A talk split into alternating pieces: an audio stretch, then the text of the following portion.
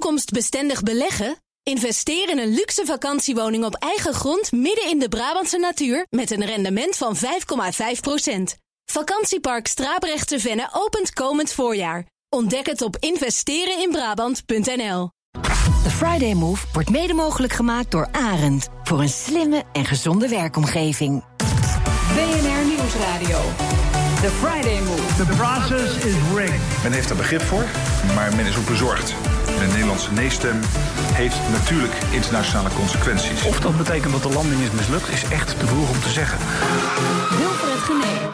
Het is de week dat de interne strijd binnen de PvdA lospast. Donald Trump opnieuw de gemoederen bezighoudt. En Martin Garrix is verkozen tot de werelds beste DJ. En we zijn vandaag weer bezig met onze eigen show. The Friday Move met DJ Thomas Robson.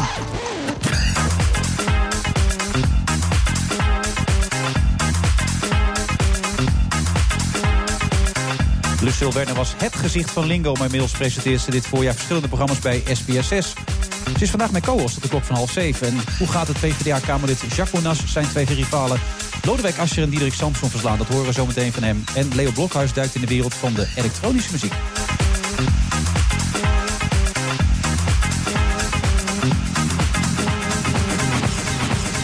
Dat allemaal op eh, vrijdag 21 oktober. We zitten vandaag bij New People op het Remeiland. Uh, nou, Luciel, zeg maar even, beschrijf het even waar we zitten. Nou ja, ik, ik- kijk, hier naartoe komen is een ramp op dit moment. Want Oh. eh, het staat helemaal vast. Maar het Lekker er begin heel, dit, ja, ja? lekker begin. Nee, maar het ziet er wel heel mooi uit. Natuurlijk overal bootjes. Ja, en jij zit hier. Ja, dan, dan zou ik komen. Ja? Ja. Daar zou je voor komen? Ja, ik zou wel voor jou komen. Ja, voor Nou, je dat is show vrij zou ik uniek als komen. iemand dat zegt, eerlijk gezegd. Maar we zitten op een, een soort, soort verhoging inderdaad. Het, is een, Ja. het lijkt wel een soort booreiland, hè? Ik dacht nog even, ik moet toch niet verdorie die hele trap op. Maar er was toch een lift. Dus het viel mee. Ja, Ja. Nee, want anders was je hier niet op tijd Nee, geweest, nee, was ik om half zes was ik gekomen. Ja, dat is inderdaad Was eh, nog een later. probleem geweest. Inderdaad. Maar het ziet hier fantastisch uit. En dan schijnt hier vroeger Veronica en zo te hebben gezeten, begreep ik. Hè? Die met eh, de, allemaal geweldig... Wie? Tros?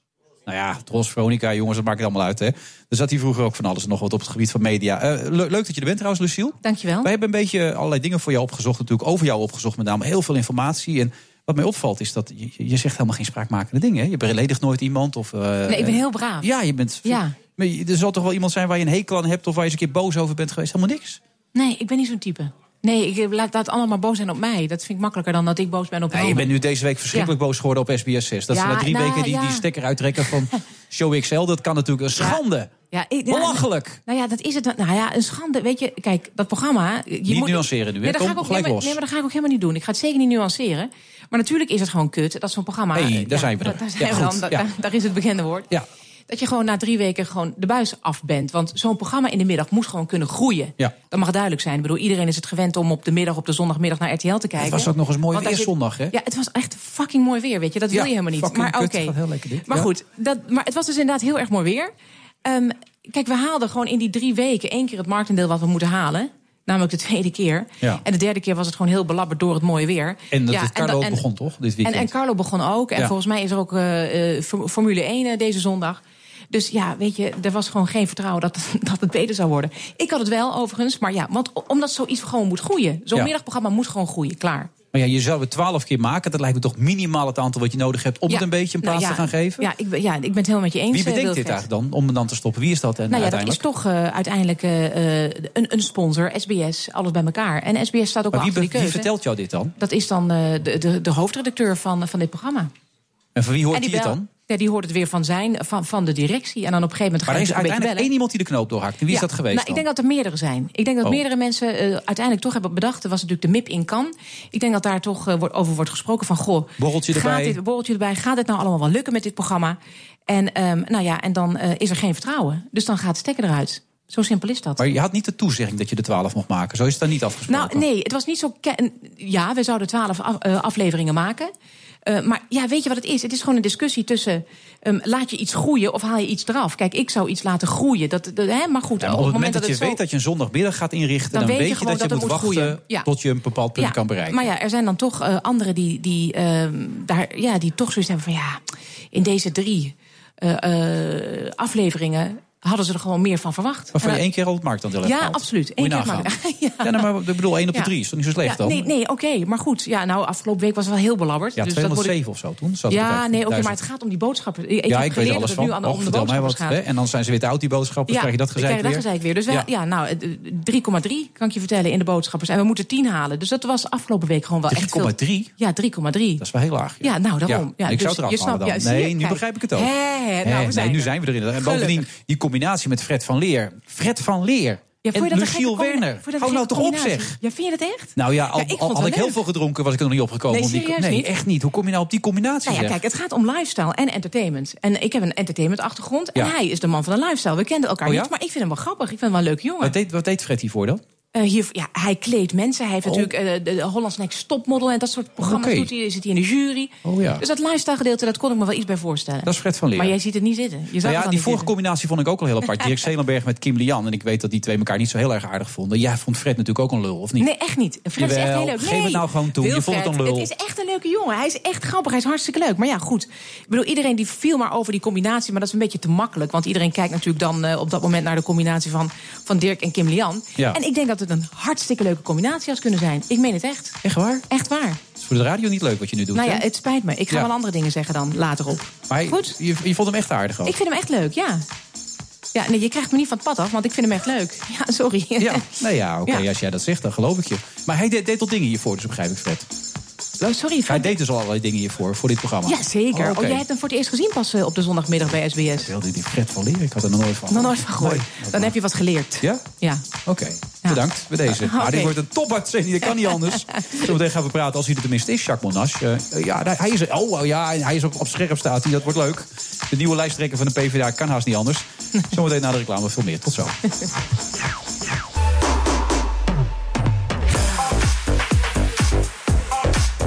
Vrijdag eh, 21 oktober. We zitten op het Remeiland eh, bij New People. En dat doe ik samen met Lucille Werner deze uitzending tot de klok van half zeven. En die zat toevallig van de week ook bij Jeroen Pauw. En weet je wie dit ook toevallig zat? Ja, het is niet te geloven. Hij zat er hoor. De man aan de overkant. dat Jacques Monash. Ja, Jacques Monash inderdaad. En eh, hoe vond je hem van de week?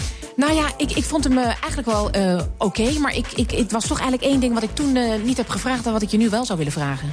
Maar dat komt later wel. Dat mag ook meteen. Ja, Dat mag het meteen? Ja, als jij daar zin in hebt, Nou ja, het is jouw kijk, feestje. Kijk, weet je, ehm, eh, hij, ja, jij stelt je natuurlijk kandidaat hè, eh, eh, als lijsttrekker. En dan denk ik bij mezelf van... het is toch een beetje een vreemd eh, fenomeen, vind ik het eigenlijk. En dat komt voornamelijk omdat ik dan denk van... oké, je hebt dus geen vertrouwen in de huidige lijsttrekker. Je vindt in ieder geval dat, dat je het beter kan. Ja. En, en ehm, wat kan je beter dan? Nou, wat, ja, wat ik beter kan is, eh, ik zal niet een eh, fractie verwaarlozen, zoals is aangegeven door Samson. En ik vind dat wij veel duidelijker als, als sociaaldemocratie veel, veel duidelijker gezicht moeten geven. We hebben op veel te veel punten zijn meegegaan in, in een groot Europa.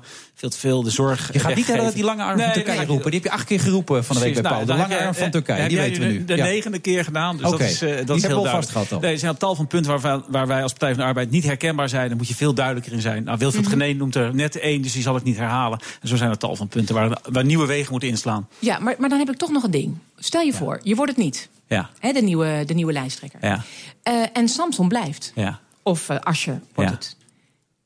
Ik neem aan dat je niet de politiek uitgaat. Jawel, dat had hij al aangekondigd. Ik- dat, dat ga je, Kijk, dan ga je het, is, het is zo nu, om, ik heb mij niet kandidaatschap voor Tweede Kamerlidmaatschap, maar wat voor als je geldt, geldt voor mij ook. Als partijbestuur na afloop zegt, we willen toch graag dat je in de Tweede Kamer komt, dan eh, ben ik vanzelfsprekend beschikbaar. Want anders moet je niet, je moet Ja, niet maar zeggen, van, toch ik voel me hier te goed voor en daar... Maar en zei, ik Ja, stop maar ermee. ja, maar- Nee, ik heb, ik heb gezegd ehm, eh, in maart van jongens, er zijn toch te veel inhoudelijke meningsverschillen.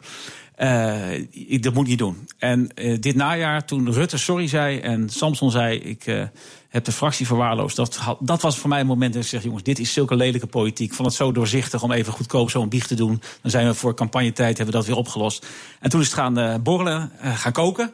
En toen hebben een aantal van mijn vrienden gezegd, adviseurs gezegd... Van, je- stel je nou gewoon een keer beschikbaar, voer dat koersdebat. Want ik denk dat er echt een andere kant op moet. Dat zie je ook in, in veel linkse partijen elders in Nederland. En toen heb ik uiteindelijk besloten om het toch te doen. We hebben het ooit in 2008 voor het Europees Parlement Ja. gedaan. Dat ging toen mis. Ja, hoe, ging hoe, mis. hoe heb je dat verwerkt dan? Heel goed. Ja? ja, soms, soms heb je wel een blessing in disguise. Dat je denkt dat die beker aan mij voorbij is gegaan. Daar ben je blij om geweest Nou, achter, achteraf, achteraf eh, weet je, die, die, die- ik vind dat we nu een goede fractie hebben in Brussel... met Agnes Jongerius en Paul Tang en Katy Perry. Maar wat er toen vervolgens kwam als fractie... dat, daar, dat wil de PvdA liever maar even snel vergeten. Dus ik achteraf denk ik bij mezelf... eh, Ik heb daarna een mooie tijd gehad met andere dingen. Uh, dus ik denk dat ik er achteraf maar niet nu zo het bloed spijtig kookt van en ook als de Lucille zegt je het niet gaat worden... dan blijf je toch wel, als ze erop nou, vragen, ik, als dan je vragen, ja, ik kan me niet meer kandideren voor het tweede, want die, die termijn is gesloten. Maar uh, Asje heeft dat ook niet gedaan. Als partijbestuur zegt van, nou Monash, maar ik ga ervan uit dat ik ga winnen met deze procedure. Maar stel dat onverhoopt, dan, en ze, ze nodigen me uit, dan vind ik dat je daar ja tegen moet zeggen. Jeroen Stans, die zit ernaast. En dan zit Jeroen de hele tijd er ook voor niks bij. Ja, wel? dat- nee, ja. want die is helemaal naar dat remmeiland Nee, dat vind gekomen. ik ook, kon dat vind ik niet ook. Je hebt vinden. gelijk, Wilfried. In de file gezeten, dat soort dingen allemaal. Hij is ontzettend strijdvaardig. Waar hij opduikt, hij is ervan overtuigd dat hij het gaat winnen. Met dit programma ga ik het verschil maken. Wat voor gevoel heb jij erbij? Ehm, dat hij te weinig steun heeft binnen de eigen partij om het te worden. Dan kunnen er heel veel flitsleden bij komen. Maar ik denk toch dat eh, de partij zelf of gaat kiezen voor de, denk toch voor de veilige middenweg. Of voor Samsom of voor Asscher. De, de gevestigde orde? Ze Ja, maar kijk, al de afgelopen jaren zijn natuurlijk meerdere discussies geweest binnen de partij. Bijvoorbeeld verruiming van het kinderpardon of die strafbestelling van illegaliteit. Als de partij nou echt vond dat de, de fractie, dus onder leiding van Samsom, het echt zo ontzettend fout heeft gedaan, waarom is er nooit een veel grotere opstand geweest? Dus waarom zouden ze dan nu wel opeens met hem afrekenen? Omdat ze zo slecht ervoor staan misschien op dit moment. Ja, maar dat, staan ze, maar dat staan ze al 3,5 jaar. Ja, maar ja, het is goed, niet dat ze afgelopen half jaar de, de, de kiezers zijn weggelopen. Maar de vorige keer trok Diederik Samson bij zijn pak aan, deed een das voor en ging Dat opeens u- heel formeel doen. Dat doet u nu weer. Ja, maar daar trappen we toch niet een tweede keer in met z'n allen? Ja, eh, eh, waarom niet, zou ik zeggen. Ik bedoel, je hebt de eerste keer is het geluk, dus Ja, never dat change a winning team. Ja, daarna het is heeft niet hij alle beloftes die hij heeft gemaakt. Maar het is niet gezegd dat Samsom het wint. Maar ik denk zelf dat het veel meer zou gaan tussen Samsom en eh Ascher. Met als grote uit- uitdager Jacques Monash. eh, die de boel wel flink Op die van Jaap Jansen trouwens, de verkiezing die Jaap Jansen van ons gehouden heeft, Ja. werd hij dik winnaar, hè, Jacques? Ja, maar ik denk dat... Het, kijk, in theorie zou het kunnen, maar het ligt eraan hoeveel Nee, van die praktijk, flitsleden... niet in theorie, in praktijk. Hoeveel van, hoeveel van die flitsleden komen erbij, denk je? Want je kunt dus nu, dat is natuurlijk de actie voor 2 euro even lid worden voor een maand. Ehm, dan zou het er heel handig uitkomen als iedereen dan, als er dan 20.000 leden bij komen, dat die allemaal op Jacques Menard stemmen. Dan maak, je, wel. Dan maak je een goede kans eh, dat je het wordt. Maar gaan er 20.000 mensen denken, nou ja, die PvdA die wil ik wel even een, eh, een schop onder de kont geven, laat ik Jacques Menard mijn stem geven. Ik betwijfel dat, want het zijn er best veel. Nou kijk, we hebben, er zijn 10.000 leden weggelopen de afgelopen tijd. Er zijn eh, 1,7 miljoen kiezers weggelopen de afgelopen tijd. Maar die mensen hebben wel wat met de Partij van de Arbeid. Die krijgen echt elke dag continu mails binnen. eh, of op Facebook of gewoon op, op sociale media. Eindelijk weer een geluid van de Partij van de Arbeid wat we herkennen. Als jij het gaat worden, ga ik eindelijk na 10 jaar, na 15 jaar, na 3 jaar... ga ik toch weer Partij van Maar de Arbeid anders stemmen. Dat, is een hele dat is een hele, hele grote groep. En eh, mensen hebben weer behoefte aan smoel op de Partij van de Arbeid. Er moet een andere koers komen. Ik eh, kom echt met andere standpunten dan je bij Samson en Asscher Je- zal aantraffen. Maar dat zou natuurlijk helpen als, als het afgelopen half jaar die hele partij was leeggelopen. Maar ze zijn al zo lang weg. Waarom zouden ze nu nog terugkeren naar een partij die al 3,5 jaar in de touw Omdat hangt? ze behoefte hebben aan een ander geluid. Omdat ze behoefte hebben aan een, partij- aan een herkenbare Partij van de Arbeid. Maar dat andere geluid haalden ze ook bij de SP of bij, de, bij, bij Dat is, dat is het punt. Ik, eh, ik zie hier ook een artikel van me rondslingeren. Bij de SP staat op verlies. Hoe is het in godsnaam mogelijk dat je 30 zetels als Partij van de Arbeid verliest... en de partij die, de SP, is ongeveer opgericht om de Partij van de Arbeid Ja. eronder te krijgen... en die staan ook op verlies. Dus er is iets heel anders aan de hand. Ja, links heeft nog 40 zetels op dit moment. Ja, ja en als je verdelen. D66 erbij optelt, Ja, dat is discutabel... maar dan kom je op 52. Ja, dus dat is inderdaad minimaal. Jij zegt ook in dat stuk wat in, november pas uitkomt, begrijp ik trouwens. Hè, Nee, toch? dit is een stuk wat in het heeft gestaan. Oké, maar in maar de november vijandige overname van de samenleving, dat hele stuk komt in november. Ja, dan, komt eh, november, ja, ja. arrogant links snapt de kiezer niet meer. Ja, dat is het verhaal wat je Ja, stelt. klopt. Ligt dat dus toe? Nou, wat je, wat je ziet is, eh, bijvoorbeeld bij, bij een Brexit, maar ook bij een Oekraïne-referendum... dan krijgt de elite zijn zin niet. En wat je dan hoort is van, ze snappen het niet. Of het zijn laag opgeleiden. Of Ja. het zijn boze blanke... Arbeiders zijn nu laag opgeleid. Ja, weet je, vroeger waren dat arbeiders, werknemers... werd met respect over gesproken en terecht. En nu opeens kiezen ze wat anders of zijn ze ontevreden... en dan worden ze afgedaan als, als laag opgeleide. En daar, daar stoor ik mij buitengewoon over. En dat doen die andere twee dus ook. Die Ascher en die, die Samsung. Ja, ik merk dat, ik merk dat, overal, ik merk dat overal. Ja, ik, wil, ik heb ook in mijn fractie gezegd... jongens, ik heb zelf ja gestemd hè, bij het Oekraïne-referendum. Dus Ja. daar geen misverstand over. En ik heb heel veel problemen met Europa, maar ik heb wel ja gestemd. Ja. Maar ik heb gezegd van, we hebben als fractie beloofd... Dat heb je ook toch als enige gedaan, ja, hè, ja, als we zeggen, we hebben gezegd, we accepteren de uitslag... dan ook meteen accepteren. Dus ik Ja. ben als enige van de fractie, ben ik, heb ik dat gedaan. Heel veel anderen als zoiets van, ja, die, die Jan de Roos... en er zijn, het zijn allemaal verschillende meningen, noem maar op. Ja, dat, dat kan mij niet schelen. We hebben, de meerderheid beslist, dat zijn de spelregels... dan kan je niet achteraf de spelregels veranderen. Terug nog even wat Lucille zei. Alle dingen waar je van afwijkt van, van, van de andere mannen, zeg maar. Die, eigenlijk alle, die hebben het eigenlijk al geregeld, toch? Dat is al geregeld. Nou, ik hoorde het vanmiddag- partijprogramma komt maandag uit. Nou, dat hebben die twee toch gewoon een beetje Ja, ik over heb, het, ik, elkaar heb het niet, ik heb het niet gelezen, zij wel. Dus ik ga het gewoon rustig lezen en dan vertel ik waar, als het zo nodig waar ik vind dat het moet veranderen. Maar vanmiddag op de, eh, de radio op weg hier naartoe zei Paul Tang dat de partijleiding hem had gevraagd. Dat was, Paul Tang was ook een potentiële Ja, kandidaat. opeens dat hij wilde, ja. En, die zei, en die vertelde vanmiddag, jee, de partijleiding heeft mij gevraagd om te wachten met het intrekken van mijn lijsttrekkerschap. Ja. dat, ik weet ook niet wat er achter de schermen allemaal gaande is. Maar, Nee. maar, eh, Ja, maar dat- het is, ik ga volgende week met Spekman praten. En dan hoor ik wel precies wat er allemaal geregeld is. Daar heb je mee maar- gewacht. Dat zei je van de week ook al. Dat snap ik niet helemaal. Ja, Maar sorry. Wilfred. Lucille, Nee, ja? maar weet je wat, ik, ik blijf toch een beetje hangen op, op, op het begin. Dat ik dan denk, oké, dan op een gegeven moment... dan stel je, je wordt het niet. Hè, en, en dan ga je toch weer terug die kamer in. Maar dan, staat er, dan is er iemand lijsttrekker, misschien wel dadelijk de partij. eh, eh, eh, en, en dan, daar sta je helemaal niet achter. Hoe, hoe doe je Nee, dat dan zelf? kijk, hoe, ik- hoe, hoe doe je dat als mens? Hoe, hoe Nou, kijk ik- je naar jezelf in de spiegel dan op Ik dat denk moment? dat dat voor straks voor alle kandidaat-lijsttrekkers stelt. Maar ik vind het geen goed signaal om te zeggen van... ik wil wel dat baantje, maar ik, ik vind mezelf te goed... voor een Tweede Kamerlidmaatschap. Dat mag, mag geen du- onduidelijkheid over staan.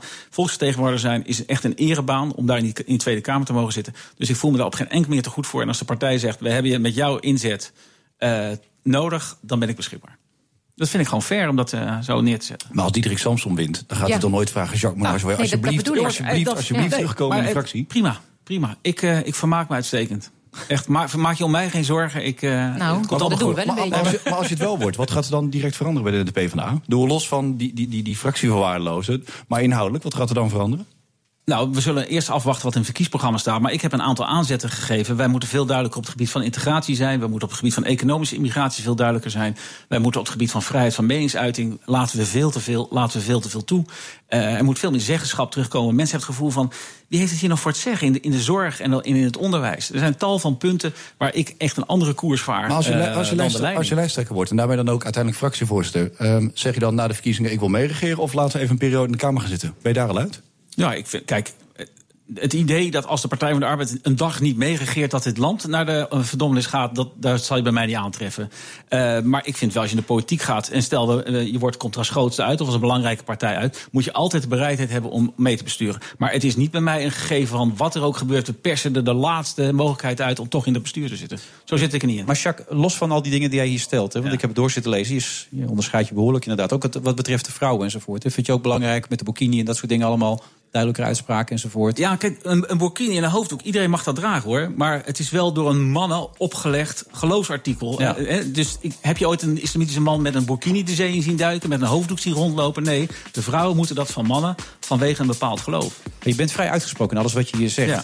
Maar los van het feit dat je dus daar hele duidelijke punten in hebt. eh, je hebt er zelf ook al aangegeven, er wordt op dit moment achterkamertjes politiek bedreven. Waar komt het enorme vertrouwen vandaan dat het je gaat lukken? Want dat is ongekend als ik je overal hoor. Ja, omdat ik, omdat ik ervan overtuigd ben dat heel veel mensen behoefte hebben aan dit programma. Die willen aan de ene kant een heel duidelijk een partij, een sociale partij die opkomt hè, dat tegen flexibilisering in de arbeidsmarkt. Mensen willen dat hun kinderen weer een vaste baan krijgen in plaats van flexbaan naar flexbaan. En tegelijkertijd willen ze ook dat er een paar grenzen worden getrokken in Nederland. Dus kan het wat conservatiever misschien? Vind ik helemaal niet erg. Maar duidelijk aangeven wat onze morele grenzen zijn. Maar dat gevoel is echt oprecht wat je steeds Ja, uitspreekt. heel dat, je, dat je echt ja. denkt dat je het gaat winnen. Ja, ik weet er zeker van. Er zijn ook heel veel onderzoekers die hebben gezegd: dit programma. Maar ik, dit is, komt uit mezelf. Maar die zeggen: dit is dit is het grote het probleem in de politiek. Dat dit programma heeft, heeft geen gehoor bij, bij geen één partij in Nederland. Maar is het de laatste jaren in de politiek, kijken naar Amerika, nog het programma wat telt of de persoon die op dat moment doorslaggevend is? ik denk uiteindelijk gaat het altijd om het programma. Ook in een tijd als deze, waar Zeker media tijd- en communicatie ja. en alles een belangrijke vorm geeft? Mensen hebben niet in de gaten hoe groot de onvrede in de samenleving is. Omdat ze het gevoel hebben van, we hebben het niet meer voor, ons, voor het zeggen. Wat is er gebeurd met onze samenleving? Dat zie je op tal van, van plekken terug. Je voelt je wel vrij, maar vervolgens wil je iets veranderen in het onderwijs... en je weet niet waar je terecht moet. hele- Een ziekenhuis moet opeens sluiten. En er zijn acht verschillende organisaties die proberen dat ziekenhuis dan al te sluiten of niet te sluiten. Dat speelt bij mij in Friesland, in Dokkum. speelt dat hè? een- Ja. een- ja, enorm. Van, van, jongens, het is gewoon belangrijk om een ziekenhuis in de regio te hebben. En dan zijn er zorgverzekeraars en, en zorggroepen die zich ermee gaan bemoeien... en die willen dat ding opeens sluiten. Gaat er zo nog even door met Jacques Monas. Die eh, enorm, ja, die is gedreven deze meneer. Dan kun je aan lachen daar in die hoek. daar, Maar dat is hij wel. Tot zo. Ding. BNR Nieuwsradio.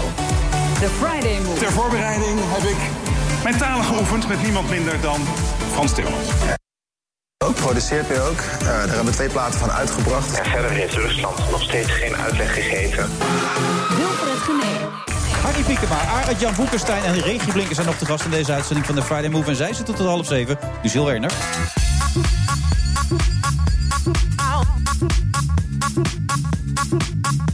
Bij de Friday Move van eh, 21 oktober live vanuit het hoofdkantoor van New People vanaf het Remeiland. En de beats, u weet, dat zijn van DJ Thomas Robson.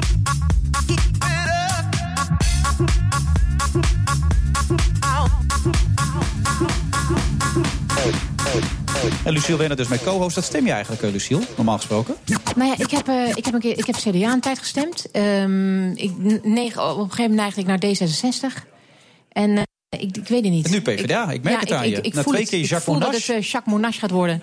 Dus de tweede keer dat ik hem, dat ik hem zie, ja. Nee, ik ben, ik ben er nog niet uit. Ik ben wel iemand die altijd zo'n test maakt, weet je wel? Zo'n zo'n dingetje, Ja. een kieswijzer. En dan ga ik toch eens even alle dingen een beetje invullen. Maar, Ik kwam de laatste het- keer op de ChristenUnie uit. Ja, echt waar? Dat is wel heel Ja, opmerkelijk. ik, kom dan toch, ja, ik kom dan meestal op deze... Of VVD kom ik ook wel uit, maar ja. Oké. Jeroen Stans trouwens van de week was hij in Brussel, hè, eh, Rutte, over dat eh, nee van ons enzovoort. Ja, daar stond hij net nog ook nog te spe- te speechen. Ja, Eh, is hij nog niet helemaal uitgekomen nog steeds, hè? Nog niet helemaal. En ik heb het donkerwijde vermoeden dat het dat hem ook niet gaat lukken. Nee. Eh, want uiteindelijk, stel dat hij een oplossing vindt... dat gaat over Oekraïne-referendum, over die uitslag... dat hij een oplossing vindt in Brussel... dan moet hij het weer meenemen naar de Tweede Kamer... en vervolgens naar de Eerste Kamer. Want daar heeft het kabinet geen meerderheid.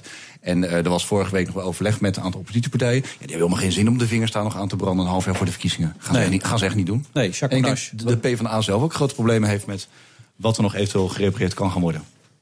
Mijn standpunt is bekend. Gewoon die, al die besprekingen in Brussel zijn niet nodig. Want er is een duidelijke uitspraak. Maar mijn politieke gevoel zegt dat hij met, met, straks met een, eh, met een, eh, dat hij een muizengaatje heeft gevonden. En dan moet ik nog zien of het CDA bijvoorbeeld en D66 een, een positief hebben. Die hebben echt een achterban die heel erg pro-Europa zijn. Ja. En die denken ook van, ja, we willen straks toch in het kabinet zitten. Dus eh, met, met Rutte meewerken. Dus ik, eh, Nou, ik zou niet... vorige eh, week Siebrand van Aarsma Buma zitten. Wij mogen Buma gewoon zeggen. Maar Nou, die, die probeert dat toch niet zo mee te doen. hè. Die wil nu echt duidelijkheid, Ja. moet eerlijk zijn, moet ergens voor staan.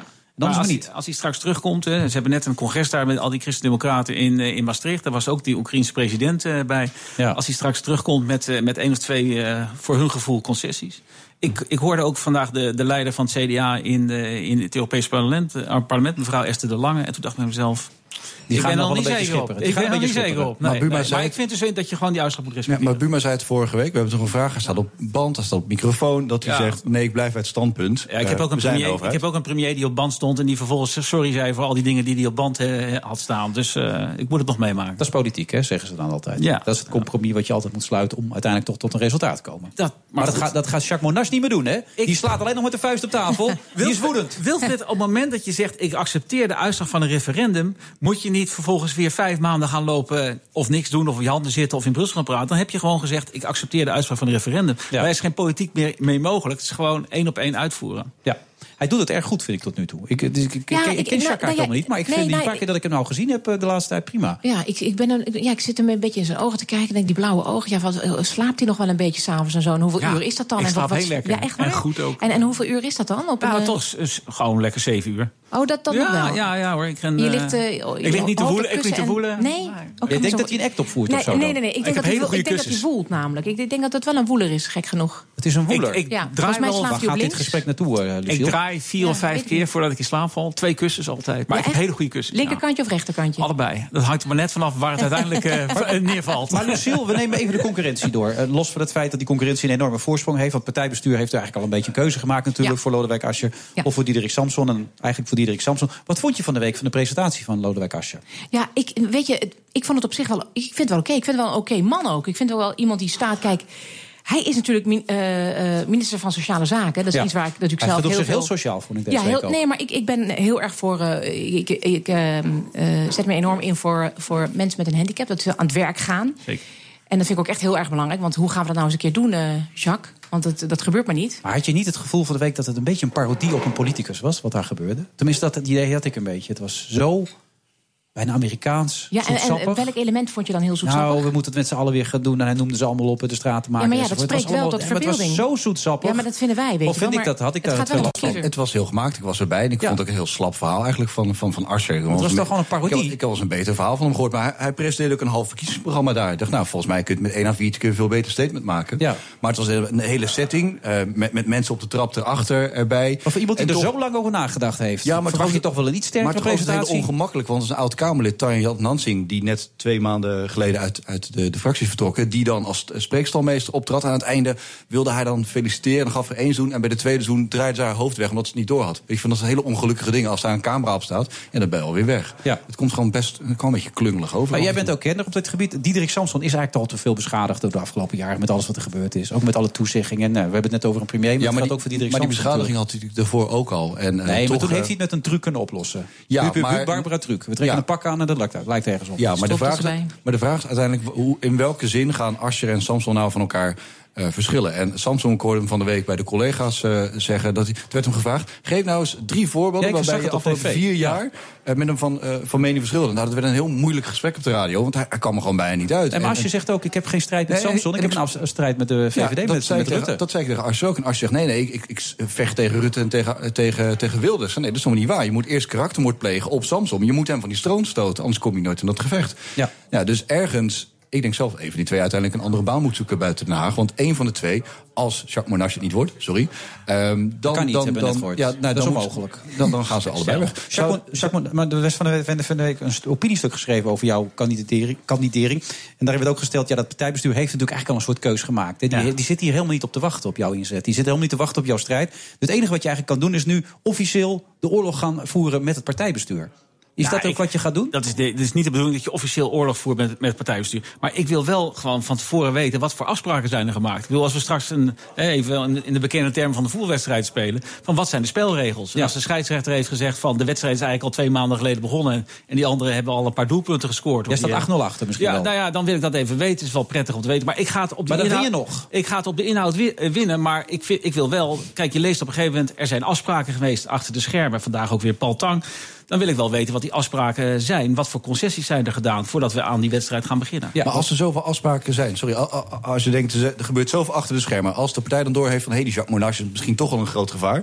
Denk je dat ze dan een van de twee, Samson of Asscher, eruit gaan laten halen? Dat alle stemmen naar een van die twee gaat? Om Nou, jou toch misschien buiten de te misschien als de strijd eh, verder gaat en ze zien dat ik, eh, hè, dat ik eh, steeds, steeds dichterbij kom of, eh, of al, ver- al verder ben, dan zou dat best kunnen. Er zijn natuurlijk heel veel, als je kijkt in Amerika heel veel, waar dit, en in Engeland, heel veel debatten geweest om een lijsttrekkerskandidaat, dat mensen zich halverwege terugtrekken. Dus dat zou, kan, zou ik me zo kunnen voorstellen. Tot 9 december heb je de tijd. Er komen vijf debatten of zo. Vijf toch? debatten. En, En dan ga je ben- ze pakken. Ik ben beschikbaar op tv en radio. Ik geloof dat zij zelf wat minder willen. Maar eh, ik zou zeggen, laten we het gesprek met elkaar voeren. Het is ook een open verkiezing. Hè? Het is niet alleen voor de leden. Niet-leden mogen meedoen. Dan moet je het ook in de, in de volle breedte en de, van de publiciteit En er zijn er nog een paar. Hè? Pelle Oosting en Gerard Bosma, die wil ook misschien meedoen, Ja, toch? ja, dus Daar, lach je om, zie ik. Nee, helemaal niet. Nee? Ik kijk altijd iedereen, serieus? Ik neem iedereen serieus die meedoet.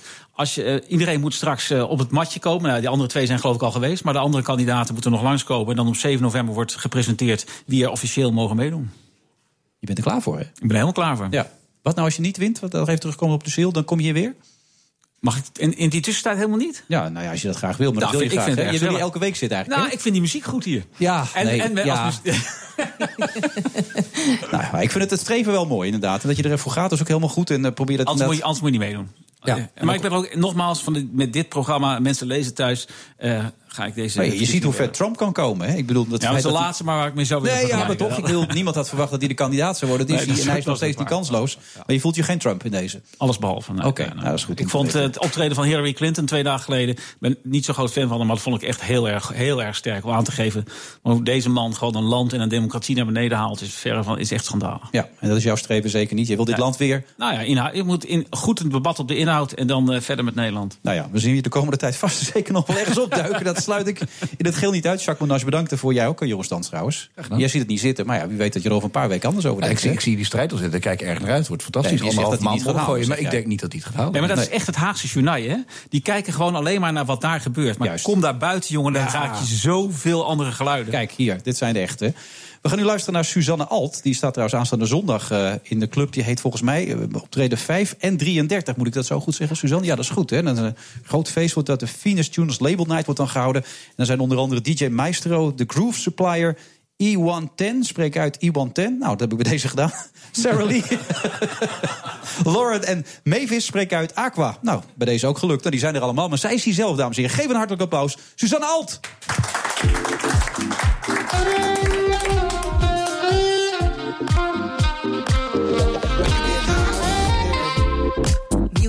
My sweet elixir. Sound waves penetrate my brain. Inside and all around, all around to a higher frequency.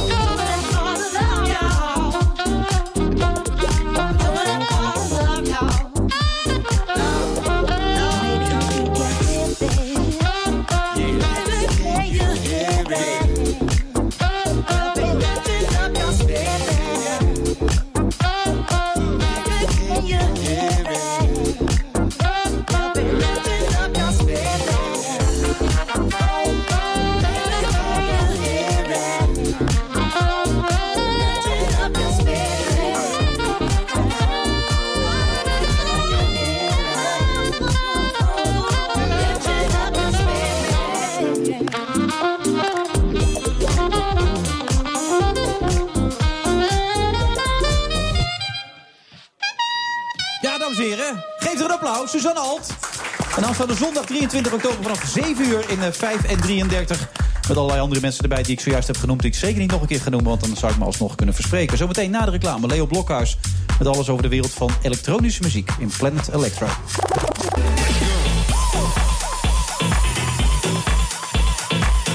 Het is eh, vrijdag 21 oktober. We zitten met de Friday Move vandaag bij New People op het Remeiland. Het is absoluut de moeite waard. Er schijnt ook nog een restaurant boven te zitten... waar je als je wil zo naar binnen kan lopen. En dan heb je meestal de kans dat er ook nog een tafeltje vrij is. Heb ik zojuist gehoord. Dat hoorde ik onder andere van Luciel Werner... en ook van Leo Blokhuis, die dat op een keer op een vrijdagmiddag heeft gedaan. Leo, goed dat je het bent. Ik hoorde van jou, Luciel, net dat je een beetje een vervelende man vindt, Leo Blokhuis. Nee, verder schat van de man. Oh, dat zei je toch net Nee, tegen nee mij ik zeg voordat het hij er helemaal was? Ja, jij wil iedere keer dat ik lelijke dingen over mensen zeg. Maar dat ga ik zeker niet doen. Ja. Wat? Ik ga voor de goede sfeer, daarom hou ik je microfoon ook dicht. Nee, nee we proberen Luciel tot, tot, tot pittige Ja. uitspraken te verleiden, maar dat, Het lukt, gaat, nee, dat lukt niet. nee, nee. Dat Sorry- zit er gewoon sorry, niet in. Wilfred, nee. Eh, Heb, heb je ook een microfoon waar Leo doorheen praat, jongens? Want dan zit... Nee, Leo mag niet meepraten. Doe ik gewoon nog een, maakt Ja, mij niet uit. die- Zit die beter. Deze Ja. doet het wel. Ja, die doet het wel. Ja, er zitten allemaal schuifjes daar. Alle lampjes gaan wel branden trouwens, dus Ja, dat maakt niet zoveel nou, uit. dat Maar je vindt het dus een leuke man. Ik vind het ontzettend leuke man. Nou hier, daar ga je. Jongens, off topic, kom op. Ja, waar gaan we het over hebben Ik dan? vind Lucille ook heel leuk. Oh, je wilt er niet over doorpraten. Nou, deze, het, is jouw, het is jouw show. Echt, Maar is, het een eh, woeler of niet, als je zo naar hem kijkt? Is het een Eh, woeler? in bed bedoel je? daar als- heb je het net als steeds over gehad met Jacques Monash, Ja, dus- ja, ja, hij zegt ik woelde eerst vijf keer en dan val ik in slaap. Links en rechts, maakt hem niet uit. Nee, ik denk dat Leo gewoon lekker altijd rustig in slaap valt. Ja. Ja, ja, zo klopt, dat klopt, ja. Ja? Muziekje aan natuurlijk altijd eerst. Nee, oh, nee, niet op bed, man. Ik, eh, ik stap erin en ik heb moeite om mijn tweede been erbij te trekken. Want ik ben meteen weg. Echt waar? Nou ja, of er gebeurt iets gezelligs. Maar normaal gesproken slaap ik vrij snel. Ja. Oké. En jij dan, Wilfred? Ben jij een goede slaper? Nee, ik kom heel moeilijk in slaap. Ja, echt? Ja, ik zit altijd nog even na te denken. En ik kom, meestal heb ik wel een uitzending s'avonds. zit ik nog in die adrenalinestoot. Ja, dat is adrenaline is killing voor slaap. Ja, hè? Ja. Ja, ik heb een probleem.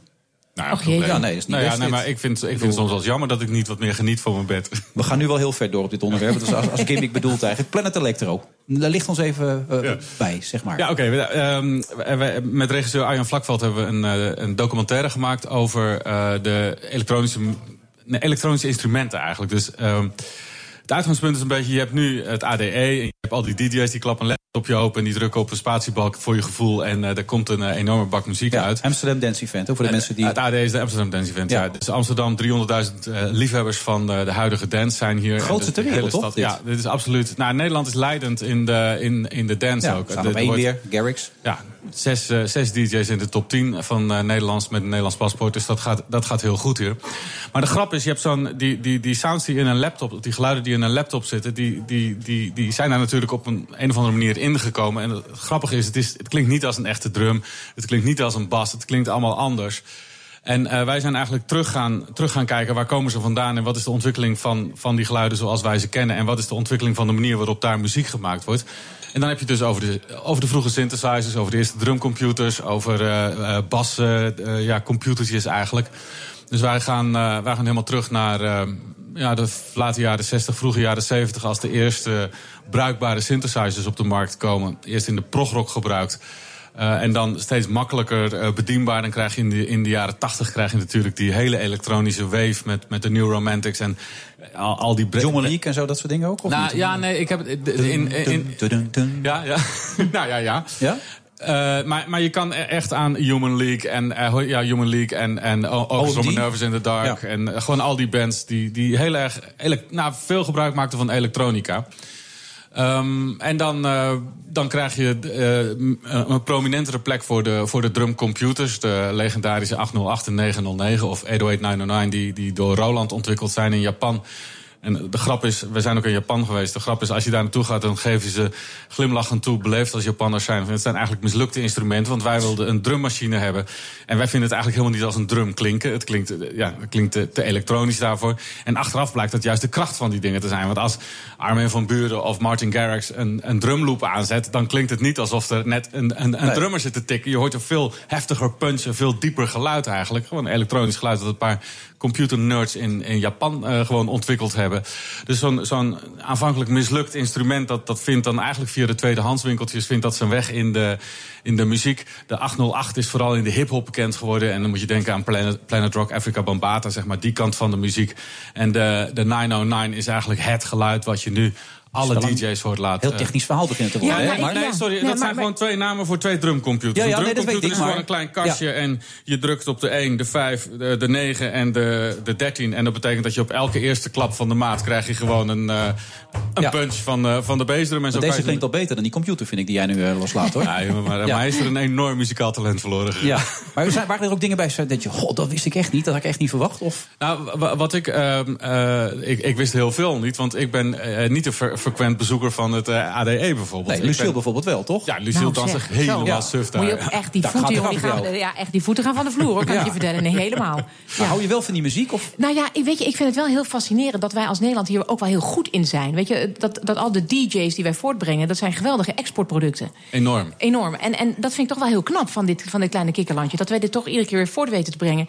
Kijk, het verhaal van Leo, dat, dat vind ik wel fascinerend. Hoe dat allemaal werkt met die oude instrumenten. Dat je daar geweldige muziek nog uit kan, kan krijgen. Ik geloof echt dat er een grote groep is die, je- die je hiermee kan bedienen. Ja, Zeker. Maar jij zei, ik werd meer verrast eigenlijk dan misschien wel verwacht. Maar jij bent ook op een leeftijd natuurlijk, Leo, dat kan natuurlijk ook nog meespelen. En dat het een scene is voor de jeugd enzovoort. Maar er waren veel dingen bij dat je denkt, oh, Er zijn veel, di- bijvoorbeeld Martin Garrix, die nu net deze week gekozen is tot nummer 1 DJ Ja. ter wereld. Ja. Eh, wij zijn bij hem geweest thuis en hij schreef een, een nummer, een, een, een track zoals het eigenlijk heet. En wat mij bijvoorbeeld verrast is, hij begon op een akoestische gitaar. Dus hij begint een melodietje te schrijven op zijn gitaar tot hij tevreden is.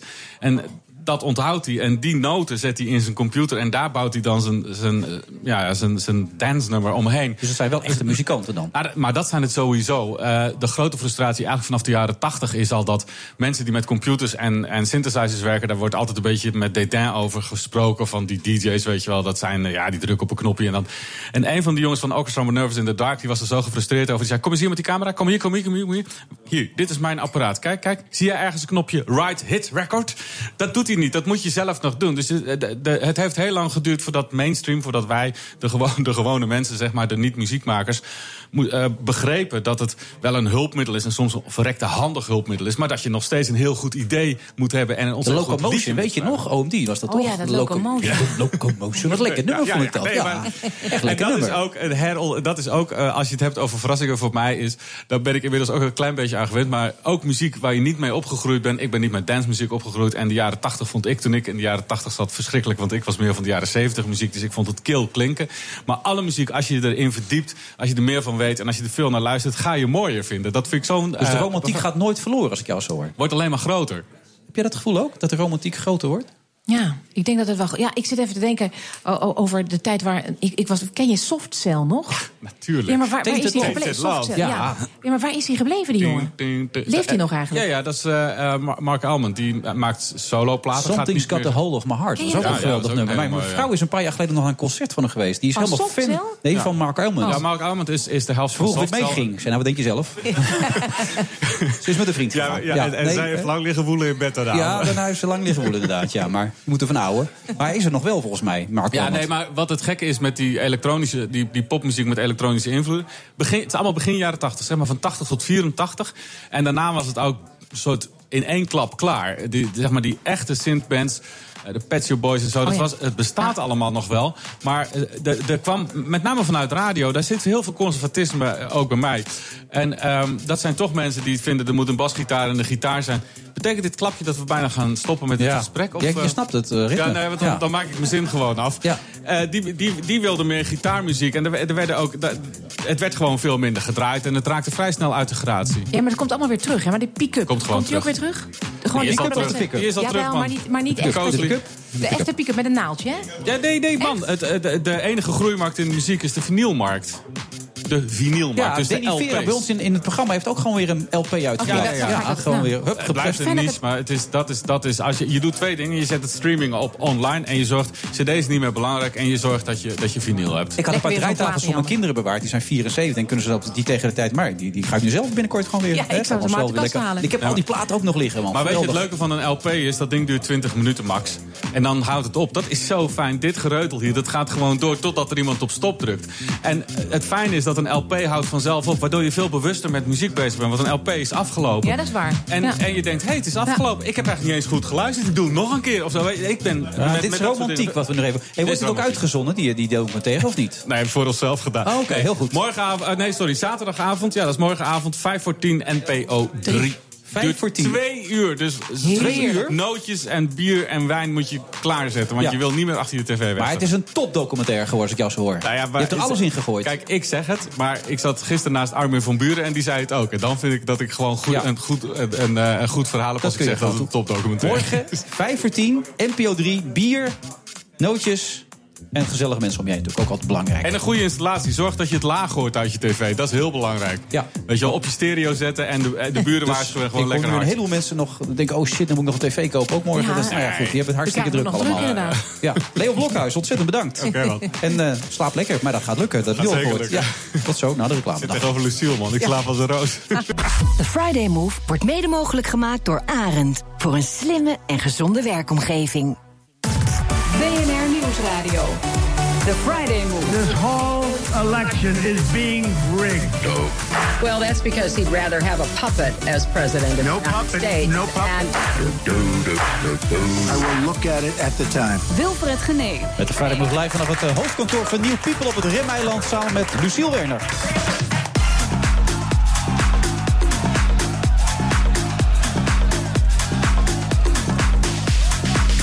Met natuurlijk als meest prangende vraag... maakt Luciel Werner met Lingen ooit nog weer een comeback op SBS 6? Eh, zijn die geruchten waar? Dat gaat ze ons zo meteen bevestigen. En hoe komt het dat de Europese Unie nog steeds geen raad weet met Rusland? We bespreken zo meteen met Arend-Jan Boekenstein. En acteur Harry Pieken, maar u weet wel, van die Albert Heijn reclames... doet nu hele andere dingen. Hij staat in het theater en vertelt er alles over.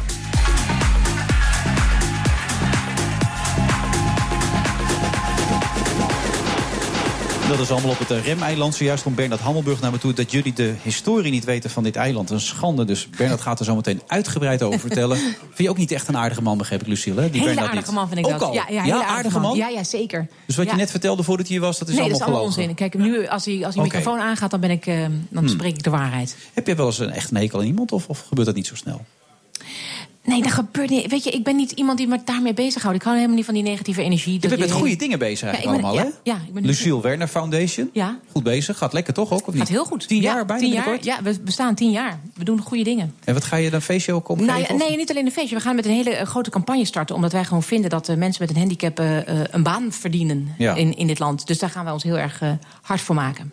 En eh, je bent bezig met het programma van de week, 500.000 Mijn laatste keer, kijkers. Ja, ja. hoe- was Ja. je er tevreden mee met die kijkers? Ja, nee, absoluut. Was ik heel erg blij mee. Zeker met de Champions League tegenover ons. Ehm, nee, maar dat is heel mooi. Maar dat is een enorm lang traject natuurlijk geweest. Bedoel, Een half jaar heb je die mensen Een allemaal half jaar gevolgd. hebben de mensen En Rosa gevolgd, ja. was al overleden? Ja, de is al overleden. Ja, dus ehm, nee, het is heel, heel boeiend en ook heel inspirerend om, om dit te maken. Ja, mensen, kijk, er is nog altijd een taboe over doodgaan. Hè? Mensen zijn Nou ja, je had al over mijn dat soort lijk en dat soort programma's had je toch al? Klopt, klopt. Maar nu volg je echt gewoon mensen in de laatste fase van hun leven. Dus gewoon, wat doe je dan op een. Hè, Maar in dat programma nou? is dat toch ook zo? Of, of niet? Ja, maar heb je, het- heb je het gezien? Nee, ik heb een stukje gezien bij Pauw ervan, eh, van wat jullie Ja, dat is deden wel te allemaal. kort hoor. Je ja? moet, het- ja, is te kort. Je moet zat naar de Champions League te kijken. moet de komende. Ja, dat dacht ik weer. Ja. Maar er is komende dinsdag geen Champions League. Kun je even naar mij kijken? Oké. Maar vertel even, wat is er anders aan en wat maakt het Nou zo ja, wat, bijzonder kijk, dan? natuurlijk gaat het over mensen die, die doodgaan of die, die komen te overlijden. Maar wat er anders aan is, is dat je echt de mensen gewoon heel frequent volgt in, in, die, in die laatste maanden. Dus dat je gewoon ziet dat ze, ik noem maar wat heel simpel, nog even lekker aan het barbecue zijn met de familie. Of dat, dat iemand eh, eh, een, een laatste verjaardag viert. Of Ja. eh, weet je, dat soort zaken. Dat, gewoon de hele basic dingen die in, in dat leven nog gebeuren. En dat vind ik heel erg mooi van dit programma. Dus niet een een of andere bucketlist die je nog helemaal moet afwerken van... goh, ik, ik wil nog een keer eh, de. Eiffeltoren. Of, nou Ja. ja, Lourdes is, is, is gewoon een mooie reis die, die hij ook had gemaakt als hij niet ziek was geweest. Weet je, dus ehm, dat soort dingen gebeuren. Gewoon echt de mens. De mens, hoe beleef je nou zo'n ziekte? En dat het niet alleen maar een ver- verschrikking is. Kijk, natuurlijk is het vreselijk wat in deze levens gebeurt. Maar ze halen er ook nog heel veel mooie dingen uit. Dus die power en die kracht. Dus dat het inspireert ook mooi. als je ernaar kijkt? Zeker, zeker. Dus doe dat even dinsdag. Dat probeer je veel te doen, inspireren bij mensen. Toch in het algemeen. We hebben namelijk een, een, een muziekje Ja, van ik je weet niet of ik nou zozeer inspireer, maar ik... Ja, oh, is nou het zo? ja, Nou, kijk, dat heeft hij zelf gedaan. Onze eigen DJ. Niet op het AD, maar wel hier gewoon aanwezig. DJ Thomas Ross. En daar komt hij. Nou, goedemorgen. Leuk dat u allemaal weer kijkt naar het actuele shownieuws. Het is helemaal het teken van pittige tijden. Want wat is er nu allemaal weer gebeurd? Nou was ik op vakantie heel erg verliefd op een jongen. Die was altijd om het zwembad, staat hij lekker met vrienden te spelen. Kortom, welkom bij de pittige tijden terugblik. En ik in het zwembad, want ik durfde er niet uit. Ik was bang dat als die jongen zou zien hoe ik zou lopen, dat hij me af zou keuren. Nou, ik weet zeker dat u vanavond een hele bijzondere avond zult zien. Ja, we hebben niet alleen een eh, prachtig decor, we hebben kerstbomen, we hebben kerstballen, we hebben ook zelfs kerststerren. En vanwege die kerststerren hebben we vandaag toch bijzondere gasten. Nou, ik neem even een slokje water. Uiteindelijk deed hij dat ook. Nou ja, wat is dat nou weer? Ach, daar kan ik me zo kwaad over maken. Hé, hey, ik geloof dat hier een, eh, een smaakje aan zit. Nou, dat van je lezen. En dat eh, heeft u zelf gekregen. Dat is ook volkomen terecht. Welkom bij Pointless. Het is goed.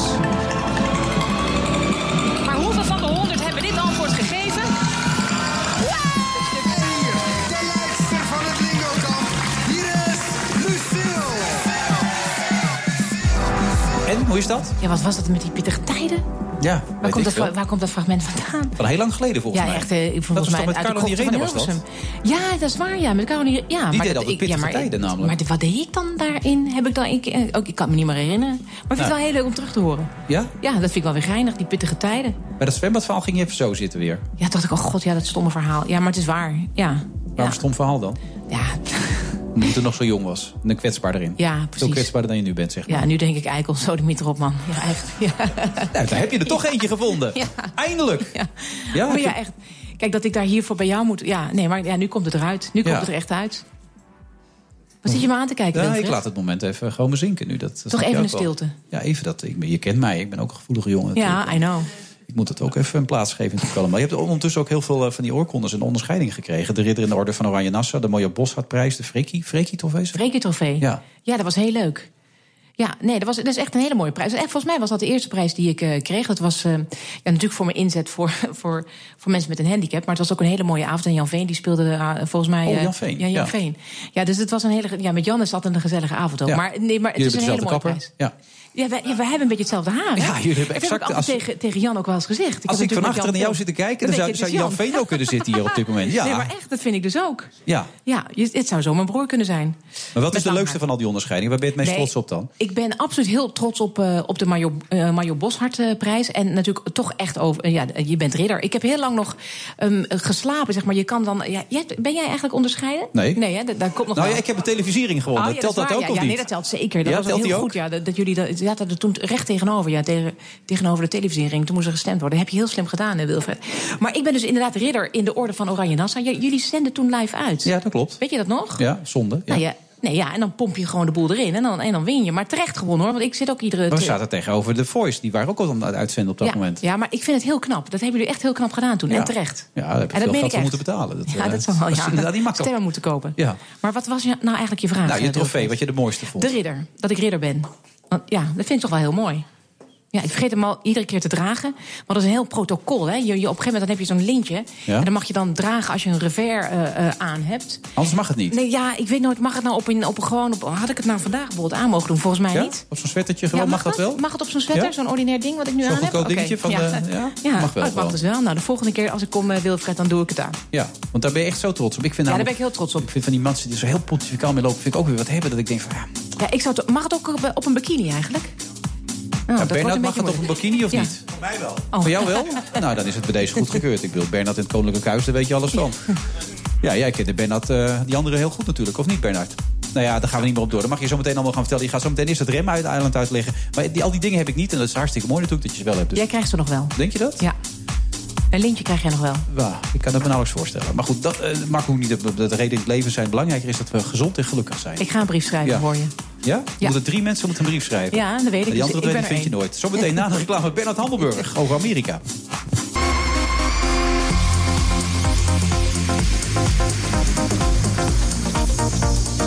Friday Move van vrijdag 21 oktober. We zijn met de Friday Move vandaag eh, bij eh, New People hier op het Remeiland. En de man die ons alles over kan vertellen over het Remeiland... is een man die daar 50 jaar geleden waarschijnlijk begonnen is. Bernard Handelburg, of niet Bernard? Nou, nou, nou, nou, bijna. Ja. Ehm, even de geschiedenis. Het was een booreiland. Wel, hè? Dat lag- vroeger ja, wel een beetje booreiland. ja. Dat, dat is tientallen jaren geweest. Het lag voor de, voor de kust van eh, Noordwijk. Je kon het zo zien liggen. Een kilometer of tien, denk ik. Of twaalf, denk ik, uit de...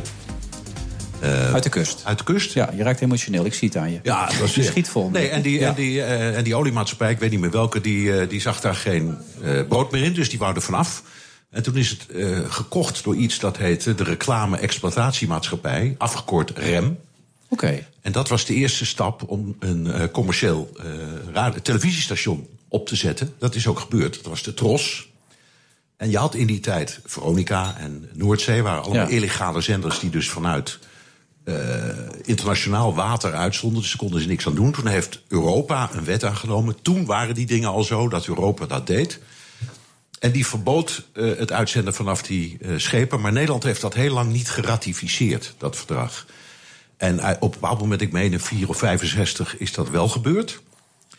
En dat betekende dat ook de, de toevoer naar bijvoorbeeld het remeiland strafbaar werd. Dus als je brood en pakjes boter en pindakaas ging brengen, was je plotseling strafbaar. En dat dwong die illegale omroepen om iets legaals te vinden. En toen heeft de Tros, die vanaf dat eiland uitzond, vanaf ik geloof 4 of 65, met dingen als eh, Mr. Ed, het sprekende paard. En allemaal van dat soort series. is of course, a waren gigantische successen. Je moest er een apart antennetje voor hebben om het te ontvangen. En dat was een gigasucces. Maar die hebben toen heel slim eh, bij de, gewoon een, een, eh, hoe heet dat, een, eh, hoe heet dat, een aspirantstatus aangevraagd bij de publieke omroep. En die hebben ze gekregen. Dus toen kropen ze aan land en werden plotseling een gewone omroep. En vlak daarna kregen ze de C-status, dat moet geweest zijn eind van de jaren 60. Daarom weet ik het, want toen kwam ik bij de Tros. Toen waren ze net aan land gekropen en toen werkten daar 27 mensen. En dat, die hadden nog een beetje die piratenmentaliteit. Er staan allemaal jonge mensen om ons heen. Die staan met open te luisteren. Die, denken, weten dit allemaal ja, er was niet. net, er was net een meneer die riep... eh, eh, ga je het ook nog even hebben over Mr. Ed? Ik zei, ja, goed, leuk dat je dat nog weet. Was dat Harry Piekema dan? Of? Nee, dat... Nee, ik weet het niet. Nee, was Harry Piekema niet. Oké. Nee, maar, maar eh, het, het, het is dus een, letterlijk en figuurlijk een opstap geweest... voor de TROS als illegale omroep om legaal te worden. Nou ja, daarna is zij ze enorm gestegen. C, B, A-status en uiteindelijk... Je gaat nu de hele geschiedenis van de Tros ook nog Nee hoor, vertellen. helemaal niet. Oh, oké. Leuk, ik heb er tien jaar gewerkt, dus eh, ja, nee, ik, om- ik, ik, maar, ik maar een jaar of zoiets, of anderhalf jaar. En toen ben ik naar de AVO gegaan. Nou, leuk dat net, even had je net zo goed, achteraf net zo goed kunnen blijven. Om dit goed, te vertellen, toen hartstikke leuk. Bedankt, eh, tot de volgende keer dan, eh, Bernard. Ja, dat was gezellig. Ja. Of dat kwam je niet voor. Oh nee, je kwam Amerika, dat was het inderdaad. De verkiezingen van de week. Hoe, hoe, hoe smerig kan het eigenlijk? Is dit het smerigste wat je ooit hebt meegemaakt, neem ik aan, toch? In al die jaren. Nou, die wel, wel, wel wat ik heb meegemaakt. Maar niet door de, als je door de geschiedenis heen kijkt. Iedereen roept steeds, dit is de smerigste. Nou, dat, dat is absoluut Nee? niet. Wel, nee. er Noem de overtreffende trap dan dus.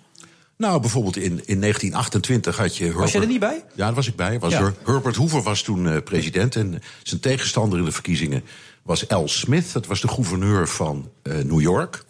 En, in die, en, die was katholiek. En dat was in die tijd eh, in de Amerikaanse politiek eigenlijk een... eh dat kon niet. De, de eerste katholieke president in de geschiedenis was Kennedy. En daarvoor was dat eigenlijk uitgesloten, zoiets. Maar die heeft toch een gooi gedaan. En eh, in die tijd werd de Lincoln-tunnel gegraven. Dus een van de verbindingen tussen Manhattan en New Jersey. En toen heeft de campagne van Hoover, en het is echt waar, er zijn nog krantenkoppen van. Die heeft het gerucht verspreid dat die Smith van plan was om die tunnel helemaal door te trekken tot het Vaticaan. Zodat hij rechtstreeks contact kon onderhouden met. Dat, dat gelooft toch helemaal niemand? nee, dat zeg je nou. Ja. Maar hij heeft, hij heeft er wel de verkiezingen mee gewonnen. Dat ben je niet. Ja, zeker. Nou, dan gaat Trump hem ook winnen als het zo doorgaat. als die Amerikanen zo en, dom en, zijn. wat- en ding wat we ons misschien nog wel herinneren, dat schiet me nou te binnen. In 2000 had je in de voorverkiezingen bij de Republikeinen had je George W. Bush, die later eh, de kandidatuur en het presidentschap heeft gewonnen. Maar zijn tegenkandidaat bij de Republikeinen was John McCain. En toen heeft Karl Rove, dat was de, mannetjesmaker van eh, Bush, die heeft een gerucht verspreid bij journalisten dat McCain een, eh, een zwart love child had. Een illegaal zwart kind. Eh, en dat, dat heeft onmiddellijk de campagne van McCain beëindigd. Zo sterk was dat. De waarheid is, hij heeft inderdaad een zwart kind. Eh, gewoon geadopteerd, uit idealisme. Hij heeft nog meer kinderen, maar dat is... eh, en het verhaal is echt waar. En dat is nog niet zo lang geleden. Dat hebben we alle... 2000. eh, Dus je vindt het nu nog wel meevallen wat die twee natuurlijk ja, zijn? dit valt allemaal nog wel mee. Ja? Wat vuilspuiterij ja? betreft valt het allemaal nog wel mee. En ja. als je praat over se- se- seksuele escapades, ja, dan kriegelt het ook van. De eerste president was Washington. Die, had, die woonde ergens in Virginia en die had in Alexandria, dat ligt vlak tegen Washington aan, had hij een flat of een huis, eh, weet ik wat, speciaal om vriendinnen te ontvangen. En dat wist ook iedereen. En de derde president, Jefferson, dat was degene die de onafhankelijkheidsverklaring heeft eh, ontworpen. Die eh, had 200 slaven, dat hadden ze in die tijd allemaal. Maar goed, en met een van die slavinnen had hij zes kinderen. En ook dat wist iedereen. En dat kwam ook gewoon in de campagnes toen al. Je had nog geen Twitter. Maar reken er maar op dat het Amerikaanse volk het wist. Dus, eh, Oh, ja, dus het valt heel erg mee allemaal. Waar maken we ons druk over dan, zeg? Precies, precies. Maak jij er nog druk over nu, Luciel, wat er allemaal gebeurt deze week? Nou ja, weet je, ik, ik, ik zou je heel eerlijk zeggen. Ik heb zowel bij. Kijk, Trump, dat is natuurlijk een drama. Dat, dat is natuurlijk verschrikkelijk. Maar ik heb bij Hillary Clinton ook zoiets van: ja, moet zij het dan zijn? Ik, ik, ik twijfel ook een beetje. Ja, dat hebben de Amerikanen eigenlijk zelf ook. dus maar- dat maakt dus het zo lastig. Nou, ik vraag me dus ook af van. Bernard, ja, wie, wie had het nou eigenlijk moeten zijn als je nou de vrije keus had gehad? Ja, ja. Nou ja, dat geldt voor ons drie ook hier. Zo, wie zouden we stemmen? Ik waarschijnlijk op Hillary als ik mocht stemmen. Want ik ga op Trump ga ik niet stemmen. Nee. Maar je, je, zit, je, sl- je slaat wel eh, precies de spijker op de kop. Eh, Trump heeft die vaste aanhang van de, van de blanke boze mannen. Dat is eh, iets van 20% kun je niet meer winnen. En Hillary moet het hebben van vrouwen. En van de minderheden. En Latino's dan met name Latino's, ook, dat ja. is 19% Zwarte is 12% en vrouwen is de helft van de bevolking. Eh, en, al, en die drie groepen hebben alle, wat jij net ook zegt, Lucille, die hebben alle, allemaal een bloedhekel aan die vrouw. Ja. Eh, vooral vrouwen, dat klinkt heel seksistisch, maar die, die noemen dat de bitch factor. Dus die, die willen dat niet. Dus die mensen moeten nu beslissen of ze dan in vredesnaam maar voor Hillary gaan stemmen, omdat anders Trump president wordt, of niet. Ja. En als, wat best kan, hele grote groepen gewoon niet gaan, dan stijgt de kans van Trump nog steeds met die vaste groep die op zichzelf niet voldoende is om mee te winnen. Nee. En dan krijg je misschien een nek-aan-nek race... en dan gaat hij het ook nog niet eens accepteren als hij verliest. Ja, fantastisch. Ja, nou, dat, dat Ja, zei hij dat dus leuk? in dat debat. En dat heeft iedereen meteen op. Ik, eh, ik, ik accepteer dat niet. Hij heeft het nu eh, enigszins bijgesteld. Hij zegt, dat vind ik nog mooier. Hij zegt nu, als, het, als ik win, accepteer ik het wel. Maar als ik verlies, ga ik het aanvechten. Dat is helemaal Ja, van dat is een idioot. Hoe gek kan je Ja, worden? ja, maar die, maar die, vaste groep, die vaste groep van aanhangers... die vindt alles fantastisch wat die man doet. Maakt niks uit. Die vindt het allemaal prachtig. En die, ze- die zeggen tegen elkaar, ja, zo zijn wij eigenlijk ook. En van de hak op de tak. En een beetje rare dingen roepen. En platte taal gebruiken. En over blote wijven. Maar goed, jij, schetst Ja, het vorige week al. Margriet van der Linden was het twee weken geleden. Die wist zeker 100% dat Trump het niet ging worden. Jij durft het ook niet te stellen, hè? Nog steeds niet. Nee, nog steeds niet naar dit debat. Ook niet nee, dat je en denkt ook, niet van... als je, ook niet als je naar de peilingen kijkt. Nee, maar, maar, maar even onder ons, als het het verschil 6, 7, 8 procent is, dan kan hij daar toch niet meer mee Nee, aankomen? nou ja, even een, re- een rekensommetje. In de statistiek geldt een regel bij peilingen... dat je hebt een foutmarge van plus of min 3 procent. Dus bij elkaar 6 procent. Ja. Dus de afstand moet groter zijn dan dat. Dus Ja. het moet minstens 7 zijn om te kunnen zeggen dat je voor ligt. Dat ligt ze nu net in Mhm. de peiling. Dus, maar net. Dus als het 1 procentje zakt, om wat voor reden dan ook... dan zitten ze weer binnen die foutmarge. En statistisch liggen ze dan weer gewoon nek aan nek. Ja, maar stel dat het verschil straks heel groot blijkt te zijn... als de stemmingen zijn geweest... dan kan hij toch op een gegeven moment, als het verschil echt enorm is... kan hij toch niks meer doen? Dan is het afgelopen natuurlijk gewoon. niet. En bovendien, eh, iedereen, inclusief zijn eigen vicepresidentskandidaat Mike Pence, die zegt: ja, wij zijn een democratie. En, Ja. eh, wij aanvaarden gewoon de uitslag van eh, verkiezingen. Zo hoort dat in de democratie. En ze- het gaat daar ook heel netjes. En ze worden gecontroleerd. Is er fraude? Natuurlijk. Het is een land met 320 miljoen mensen. Er is geen burgerlijke stand, geen bevolkingsregister. Dus het is heel lastig om vast te stellen of iemand is wie die zegt dat hij is. Niettemin. Ik ben ervan overtuigd, als je kijkt naar vorige keren, de, die- de, de fraudefactor is zo minuscuul. Ehm, dat ik, ik, ik geloof er wel in. Ja. Maar goed, het werkt. En het werkt in zijn campagne. En eh, zoals Bill Clinton heel terecht zei. toen die de- meedeed aan de verkiezingen. die stond er ook niet zo goed voor. Die zei: er is maar één peiling. en dat is de verkiezing zelf. Ja, lijkt me ook. Nog twee weken, man. Twee Ja. topweken, hè? Ja, ja en man. het blijft amusement, toch? Ja, het blijft hartstikke leuk. Zeker. En dan wint hij straks ook. Die tunnel is er nooit gekomen trouwens, en dat Vaticaan voor de Ja, nee, duidelijkheid. nee, nee, nee, keurig even voor de zekerheid nog even... in New Jersey. Ja, oké, nou, dat ik denk dat misschien dat ik iets gemist had of zo, maar nee, dat is Nee, niet dat had je het gehoord, Wilfred. Ja, nee, oké. Dan zijn we eruit. Bernard, hartstikke bedankt. Ook bij dat mooie geschiedenisverhaal trouwens. Wel echt een mooi verhaal. Ja, ik ook. Ja, Ja. Geboeid je, geluid. zit je even in die nostalgie weer van toen, weet je wel? Nou, Dat- ik weet niet nostalgisch, maar gewoon. Ik vind het opmerkelijk dat zo'n heel groot gezellig. ook de mensen die hier werken, die geschiedenis. Oh, je gaat ze nog even op de vingers stikken met z'n Ja, Nou, dat is heel netjes van je. Bernard Handelburg, we gaan zo weer verder naar de reclame met Harry Piekema. BNR Nieuwsradio. The Friday Move. The process is rigged. Men heeft er begrip voor, maar men is ook bezorgd. En de Nederlandse nee-stem heeft natuurlijk internationale consequenties. Of dat betekent dat de landing is mislukt, is echt te vroeg om te zeggen. Wilfred Genee. Het is de dag dat de EU 45 miljoen euro uittrekt voor het Zika-virus. En 4 op de 10 Facebook-gebruikers overwegen te stoppen in verband met privacyzorgen. En zij zitten tot half zeven. Luciel Werner.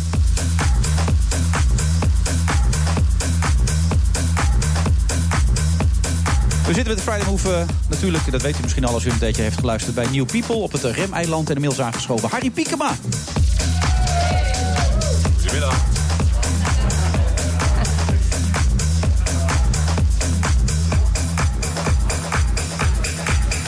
Ja, Lucille, dat is wel een bijzonder moment. We zitten met een van de populairste mannen van Nederland aan tafel. Ja, ik. nou, ik weet er alles van. Want eh, Harry Piekema heeft een eh, rol gespeeld in, in Caps Club, een dramaserie die ik met Stichting heb gemaakt. En Harry was officier van justitie. Een hele Kon foute man. Groeneweg. Ja, heel fout, ja. Ja. Heerlijk. Dat produceerde jij zelf? Ja. Want jij hebt een eigen productiebedrijf, Nou begrijp ja, ik. d- vanuit de stichting Ja. hebben we dat zelf Maar geproduceerd. je, je doet ook dingen voor het buitenland en zo, ja, begreep ik. dat, eh, de- deze dramaserie die wordt eh, verkocht in het buitenland.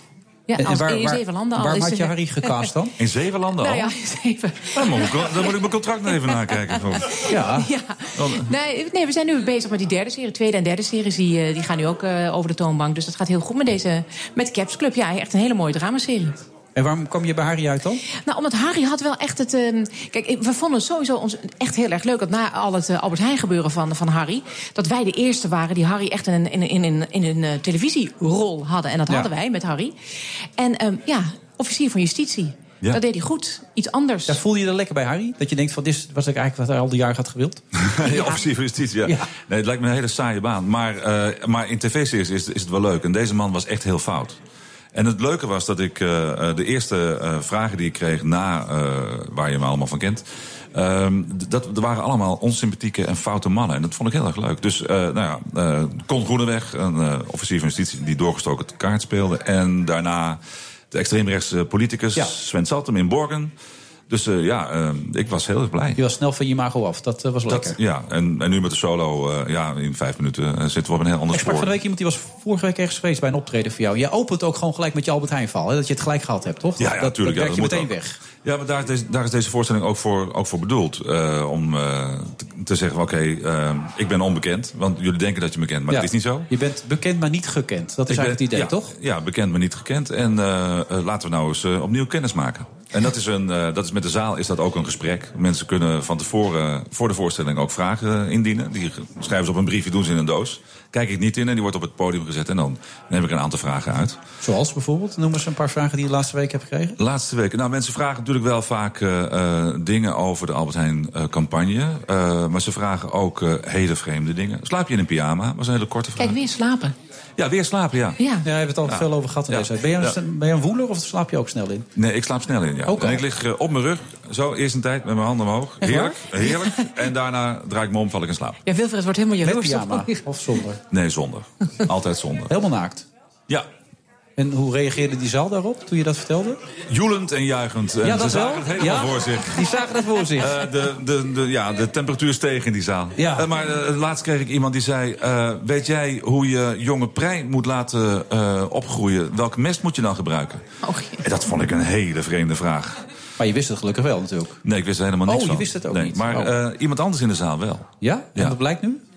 Ehm, ik heb het niet onthouden. Nou Want ja. ik- want ik ben nou geen die- tuinman. Nee. Maar, ehm, eh, maar ook eh, interessante vragen eh, gisteren. Eh, wat, is de, wat is de meest beschamende eh, ehm, belevenis geweest bijvoorbeeld? Nou, dan, maar ik stel het vragen ook terug. Hè? Dus Jawel, want, eh, als ik ze wil kennen, dan... eh, dan, Ja. dan eh, ja. Jouw meest beschamende moment was?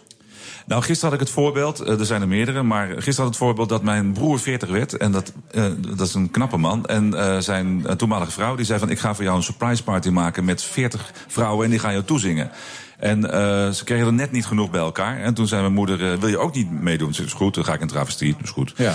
Dus, maar ik was een beetje laat. En ze zei, het is om acht uur, je moet wel op tijd zijn. Dat is goed. Dus ik, s ochtends vroeg, mijn kleren mee. En ik moest toen in Leusden zijn. Ik had een trein fout genomen. Ik kom in Amersfoort, ik neem een taxi. Ik zeg, snel, snel, snel. Ik kleed me even om achterin de taxi. Oké, zei die taxichauffeur. Dus ik kleed me om, ik doe mijn pumps aan. Ik doe mijn rokje en alles en, me, en ik smiek mezelf. En ik kom bij de parkeerplaats waar, waar we hadden afgesproken. En ik eh, reken haastig af en ik loop zo klik, klik, klik die parkeerplaats op. Helemaal leeg. Niemand.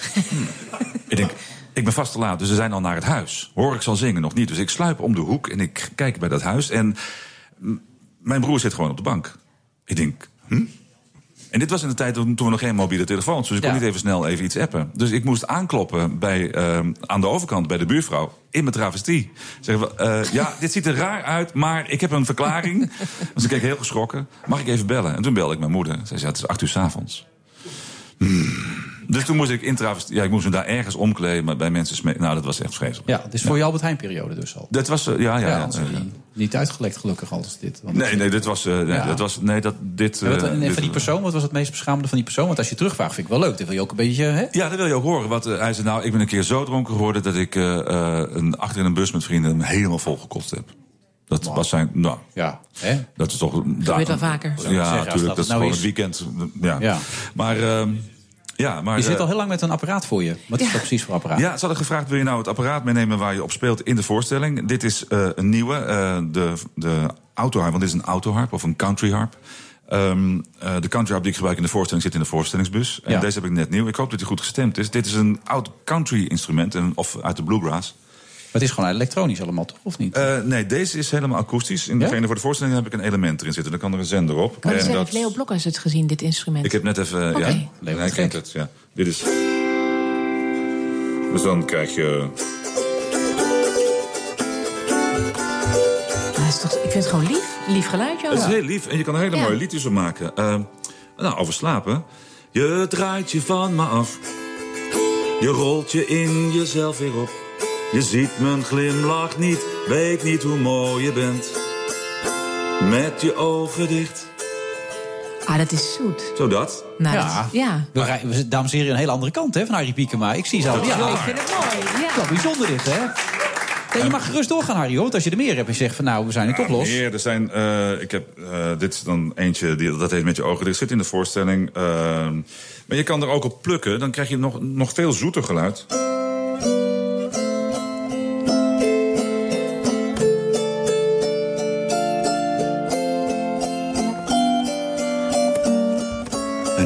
Slapen.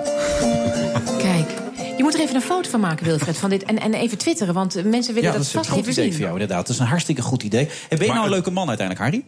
Ik ben wel een leuke man, ja. Dat denk ik wel. Nou ja, goed, omdat ze mensen jou niet kennen. Jij Ja. zegt, ze moeten me leren kennen. Dus natuurlijk uiteindelijk komt er ook een eindoordeel uit, neem ik aan, bij zo'n uitzending. Of, of valt dat mee? Eh, bij zo'n show, ja zeker. Ja. Ja. Eh, wat vinden ze dan van je? Want dat is de, de essentie natuurlijk, dat ze je Ja. leren kennen. Nou, nou, eh, achteraf zeggen mensen van nou, ik was het beeld wat ik al zo lang had eigenlijk na vijf minuten al kwijt. Ehm, en ze zeggen, ik wist niet dat je zo. ik, ik was heel verrast. Ook dat je zo serieus kan zijn. Ik praat over. ik, stel, ik vind het leuk om mensen vragen te stellen die. Ja, die ook een beetje verder gaan. Dus ik eh, zeg op een gegeven moment, nou, ik ben gescheiden. En eh, wie is er nog meer gescheiden? En nou, dan steken mensen gewoon een hand op. En dan blijkt er ook in het theater gewoon een goed gesprek over te zijn. En dat pak ik dan weer op.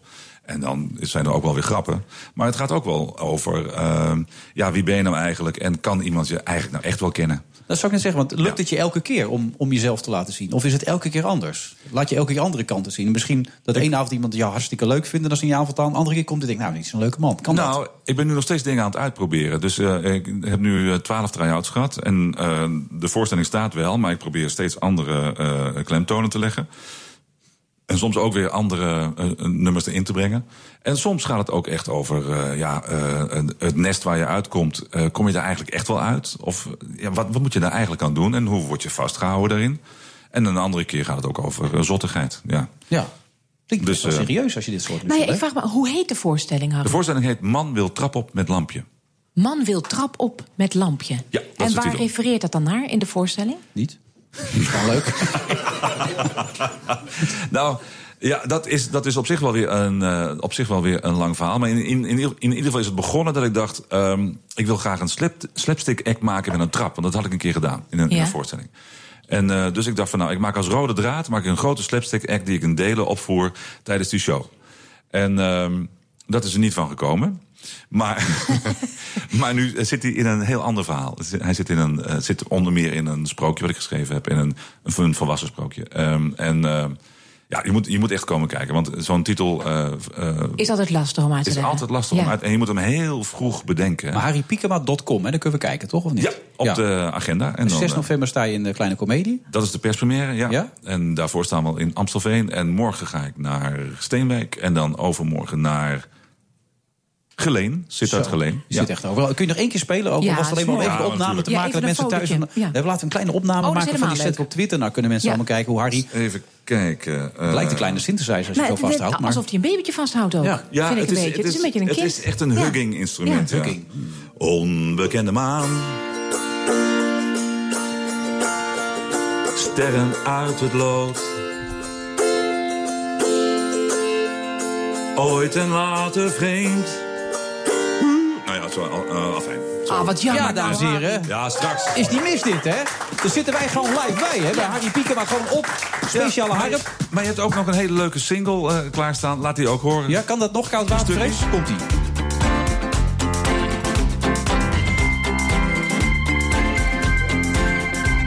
Ik ben niet van de goedlopende zinnen. De juiste snaar, ik raak hem meestal niet.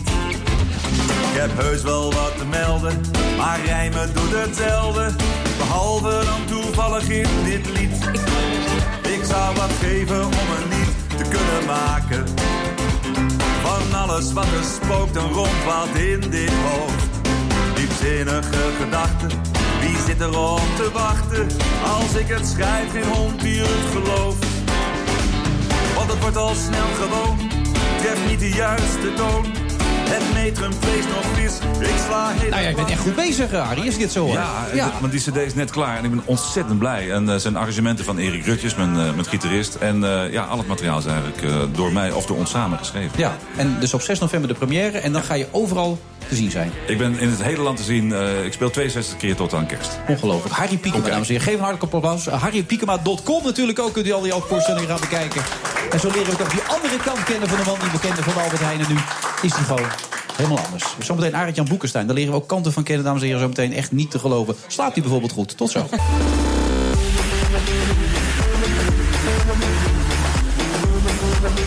Vrijdag eh, 21 oktober. U merkt dat de stemming hier bij New People eh, raakt eh, steeds meer uitgelaten. En natuurlijk, dat krijg je ook als man als Harry Piekema zal losgaan... en zo een andere kant laten zien in deze uitzending van de, de Friday Move. Lucille Wenner zit er nog steeds. Houdt nog een beetje vol, Lucille? Ja, ik vind het hartstikke leuk.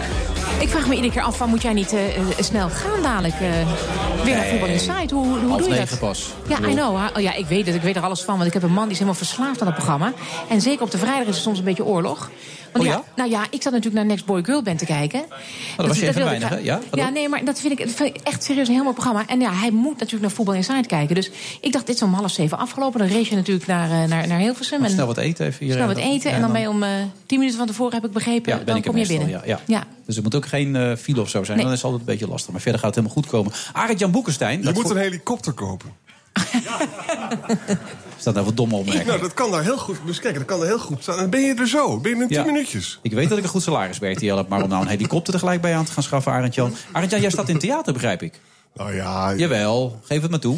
Met dat- Harp heb ik ook gehoord net. Oh nee, dat was Nou ja, anders, laat, laat ik het eerst... Bernard Hammelburg is hier net geweest. Ja, dat ik weten ben, wij. Ik ben een enorme fan van Bernard Hammelburg. Wij ook. En jarenlange ervaring heeft die man. Hij werkt ook in Amerika. Hè? Nou, hij is samen met eh, Petra Grijze als presentatrice... en soms ja, een patroos afwisselend. En ook Kees de Kort. Ken je wel nog Kees de Kort, de mopperaar? op Doe, BNR? nou, je- doe je nou je telefoon Ja. even weg, Wilfred? Ik luister onder, ik kan Ja, alles dat ik tegelijk. Dat doe ik tijdens, vervelend. tijdens Daar van word ik ik zet zit even dat een filmpje op, op, de, Oh, op Twitter van, eh, van Harry Piekema. Ja. Hij zit een vrouw, Ja. hij kan twee dingen tegelijkertijd. Ja. Ik kan dat niet. Maar goed, ze, hebben, ze gaan dus nu een prachtige eh, eh, serie neerzetten door het hele land... met de American US Election Night. En ik wil toch iedereen... Ik ben bij de eh, repetities geweest... want ik moet namelijk twee keer op het allerlaatst Bernard vervangen... omdat hij naar Amerika gaat. Mhm. Maar het is echt heel leuk.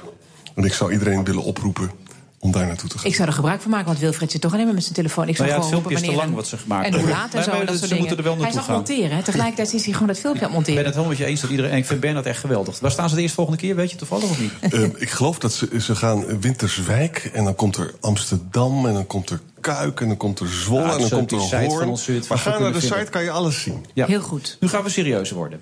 Ja. De Russen en Aleppo. Leg het, ga je naar bier zitten drinken? Ja, dat moet ik wel doen, want dat Je zit- onderwerp je zit is, van bier te drinken. het onderwerp is zo Uit een dramatisch. flesje. Maak er even een filmpje van. Het, is zelfs al, het is zelfs al de tweede. Hmm. Nou, dit wordt Nee, maar het onderwerp is echt ongelooflijk dramatisch. Weet je, mijn vak is verschrikkelijk. Want je leest dus dingen over de krochten van de menselijke ziel... maar ook wat mensen elkaar aan kunnen doen. En om het je helder uit te leggen hoe erg ik het allemaal vind... moet je je voorstellen. Oost-Aleppo eh, wordt gebombardeerd. Het is nu even een, een, pauze. Ja.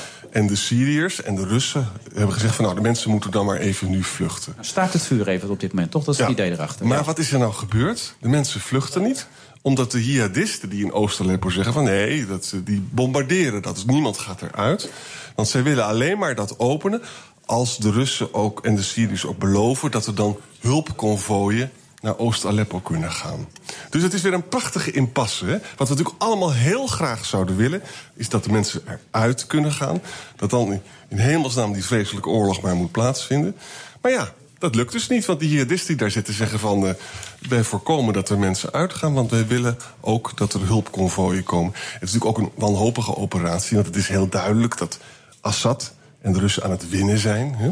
Maar op een gruwelijke wijze, hè? Op een gruwelijke wijze. Maar schets het een beetje voor de mensen die het oh, niet man, weten. Het is, het is afschuwelijk. Mensen zitten er al, al heel lang eh, met heel weinig voedsel. Mensen zijn verzwakt. Er is geen water, er zijn geen medicijnen. Heb je wel eens die drone-filmpjes gezien? Nou, dan zie je dus wat je gelooft het gewoon niet, hè? Al- allemaal appartementen die open zijn gebombardeerd. Het is één soort kerkhof, is het Maar er zitten nog zo'n 250.000 mensen in dat gedeelte waar het om gaat. Waar ze eigenlijk naar buiten zouden moeten, waar nu Ja. niks kan gebeuren. En het meest trieste is nog, kijk, wij, wij zouden natuurlijk allemaal willen dat in hemelsnaam laat dat moorden stoppen, laat die mensen gaan. Maar ja, dan gaan dus die jongens in Aleppo die verbieden dat weer. Want die begrijpen, dus voor hen is het ook alles of niets. Hè? Als Assad daar wint, dan zijn zij natuurlijk ook weg. Ja. Dus, en het gevolg is dus dat het, het menselijk leed is verschrikkelijk. En wat ik er helemaal erg aan vind, daar lig ik echt wakker van. Daar gaan we straks over hebben, over mijn nachtrust. Ja, dat eindigen we. Ja. ja. Dat dus, dat, we kunnen er ook, we zijn, je voelt een totale machteloosheid. Hè? Je zou bijvoorbeeld zeggen, nou wat je, wat je doet, we gaan sancties doen. Nou, dat zou ik net zeggen. Ja. Europa wil toch weer sancties eventueel, maar Nee, het is niet, tegen Rusland. Het is niet gelukt, maar, zo- zo- maar als het zou lukken, zou het ook niet gaan werken. Want Rusland gaat gewoon door. Die gaat gewoon door roeien en ruiten heen. Die heeft daar zijn defensiebelangen. Die wil Assad gewoon steunen. Ik zal even vertellen wat er in Brussel is gebeurd. Het is heel interessant. Hongarije, Slowakije, Italië en Griekenland hebben dus gezegd... wij willen geen sancties hebben. Dus de landen die heel veel handel drijven met Rusland... die willen niet geen extra sancties. En de landen die zich door Rusland bedreigd voelen... Hè, zoals Polen en de Baltische Staten en gaan zo maar door... die willen wel eh, sancties. Dus met andere woorden, Europa komt tot niks. Maar het trieste is dat ook al zou je dan meer sancties doen, Wilfred... Dan gaat natuurlijk Rusland gewoon door. Want Poetin, laat zich alleen maar leiden door de, de macht van de Kalashnikovs. Het is gewoon het is een militaire toestand. En wij hebben geen zin om daar te gaan vechten. Ik moet daar trouwens ook een beetje netjes over zijn. Het kan ook helemaal niet. Stel je voor dat Amerika daar ook boven zou gaan vliegen. Ja, dan als Amerika en Rusland eh, met elkaar gaan vechten, dan heb je dus een wereldoorlog. Ja. Lijkt me ook iets niet zo heel erg verstandig. Maar het gevolg is natuurlijk wel, en daar lig ik wakker van... Ja, dat we dus allemaal niks doen. En dat in Oost-Aleppo eh, verschrikkelijke dingen staan te Maar gebeuren. waarom doen we dan niks? Omdat we, wij zijn dus eh, absoluut... Wie, wie van ons is nog bereid om te sterven voor een bepaalde cause? Ja, dit is dit waar we het over hebben, Lucille. Ik bedoel, als je je zonen daar dus instuurt in een afschuwelijke guerrillaoorlog... dan weet je dus dat heel veel van jouw eigen zonen zullen sterven. Dus zeggen militairen van, nou, dat kan je beter maar niet doen. Hillary heeft als oplossing, die denkt van... ik moet, we moeten een no-fly zone doen. Maar de ellende van een no-fly zone is dat je... Ja, dat kan heel gemakkelijk leiden tot een confrontatie tussen Russische en Amerikaanse vliegtuigen. En dan heb je dus echt een, Ja. een oorlog. Hè? En, en, en dus Obama doet dat dus ook niet. Maar de ellende is, dat wil ik hier graag benadrukken. Ik begrijp dat allemaal heel goed, waarom Obama dat niet doet. Maar het is, het, het is natuurlijk wel verschrikkelijk. Het is verschrikkelijk. Het is Ja, echt, echt verschrikkelijk. Maar deze status, ja, dat is absoluut verschrikkelijk. Maar deze status quo blijft dus gewoon. Dit gaat niet veranderen de komende maanden. Ja, wat je nog zou kunnen hopen is dit. De jihadisten in eh, Oost-Aleppo... die heel misschien, als de- de golfstaten zijn ook Soenitisch. Je hebt de Soenieten en je hebt de Shiiten. Als die nou toch eens bereid zouden zijn te zeggen... die jongens te zeggen van luister eens... laat in hemelsnaam die vluchtelingen gaan. Maar ja, dat doen die golfstaten niet. Dat neem ik ze overigens zeer kwalijk. hè. Ja. Die hebben nog een beetje invloed mis- misschien...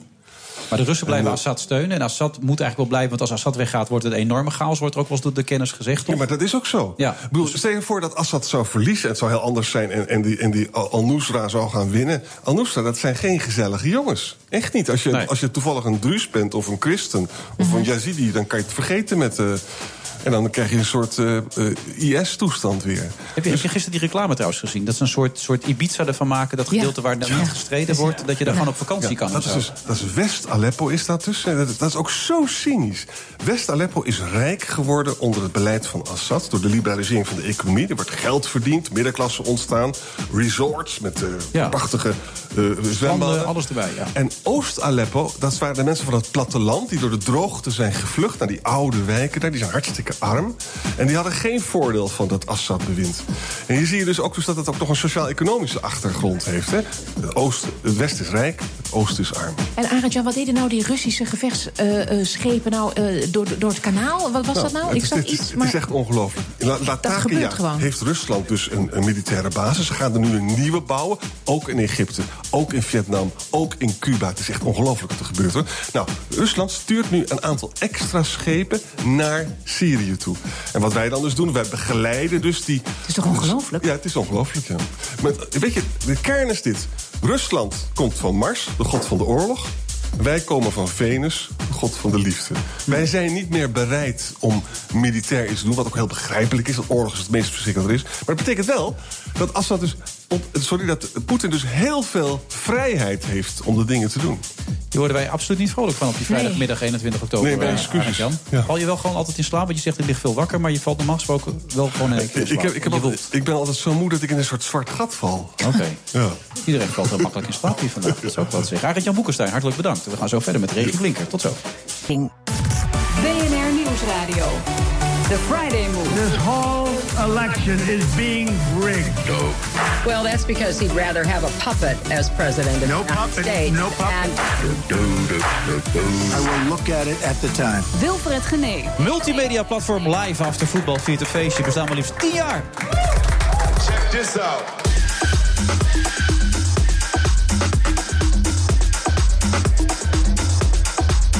De laatste half uur alweer van deze uitzending van de Friday Move. 21 oktober vanuit het hoofdkantoor van Nieuw People op het Remeiland. Die zijn al met hele andere dingen bezig. U hoort dat de gezelligheid heeft toegeslagen. En de beats van DJ Thomas Robson blijven authentiek en hetzelfde.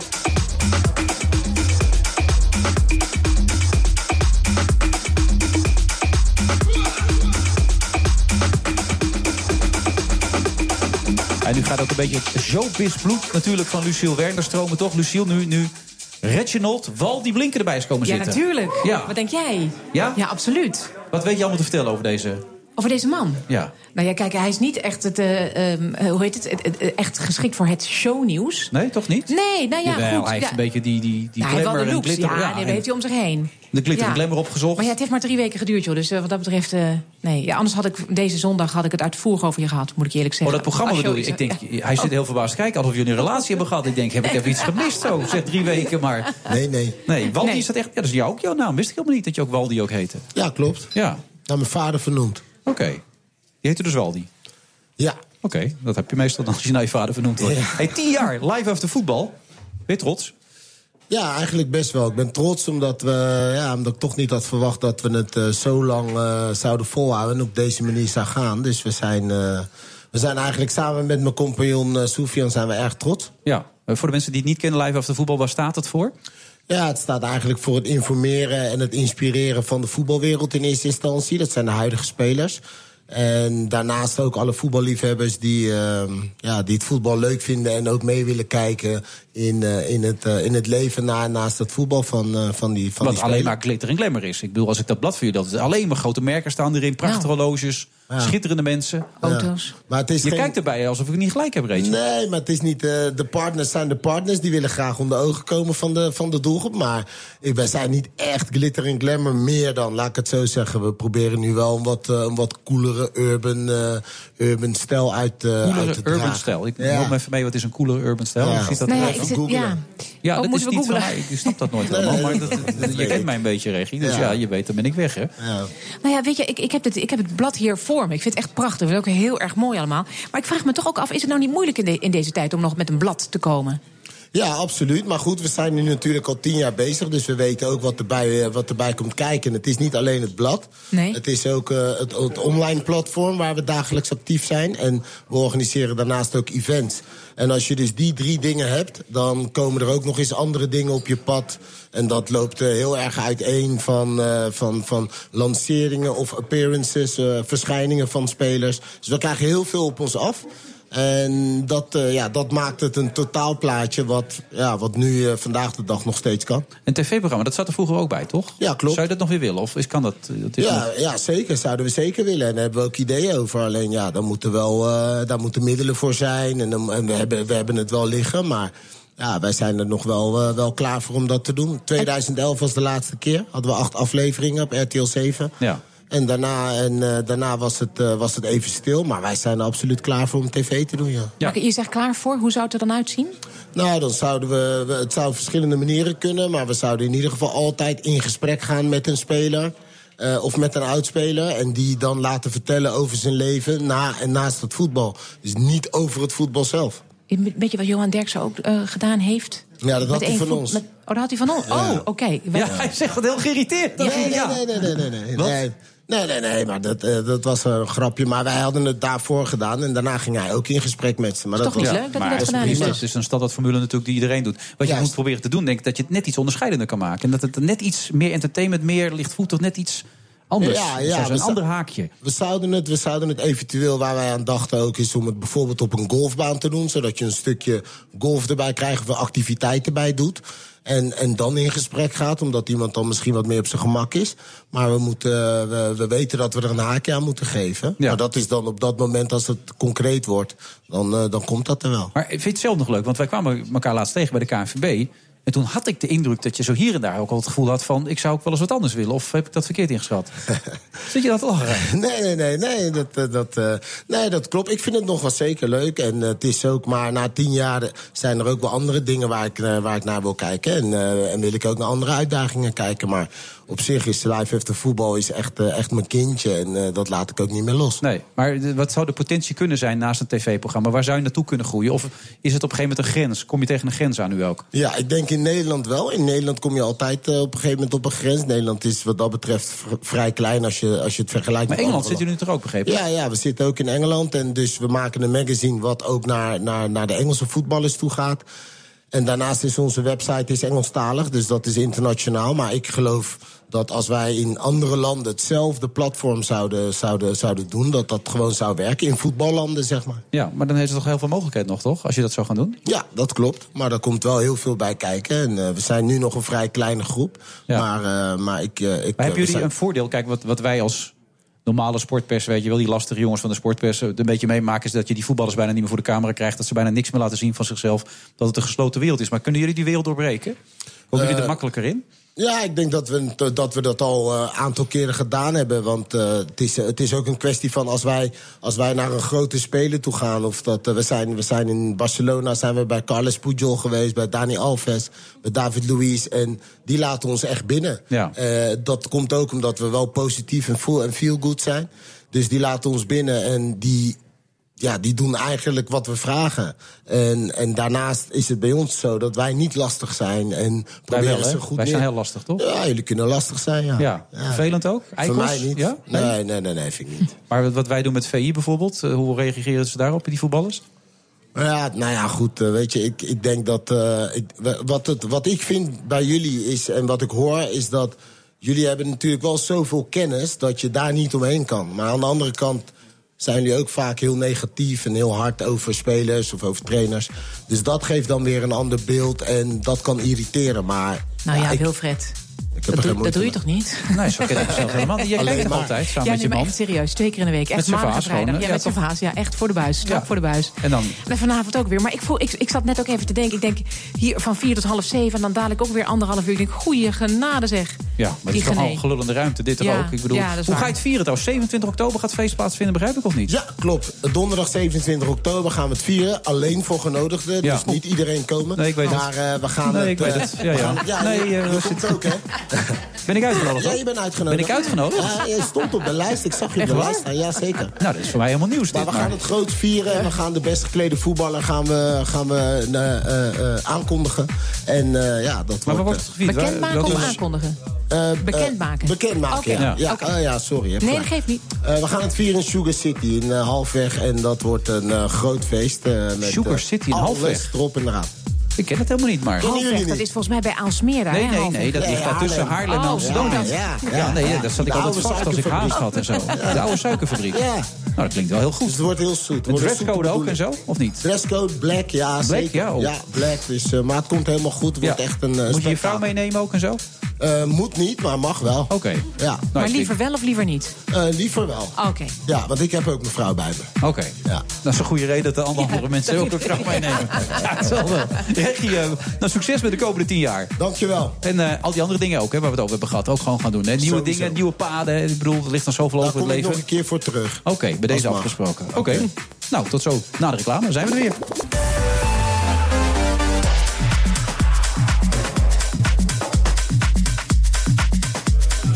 De absolute slotfase van deze uitzending van de Friday Move. Vrijdag 21 oktober. We zitten nog steeds op het Remeiland bij eh, New People. Die helemaal los zijn inmiddels.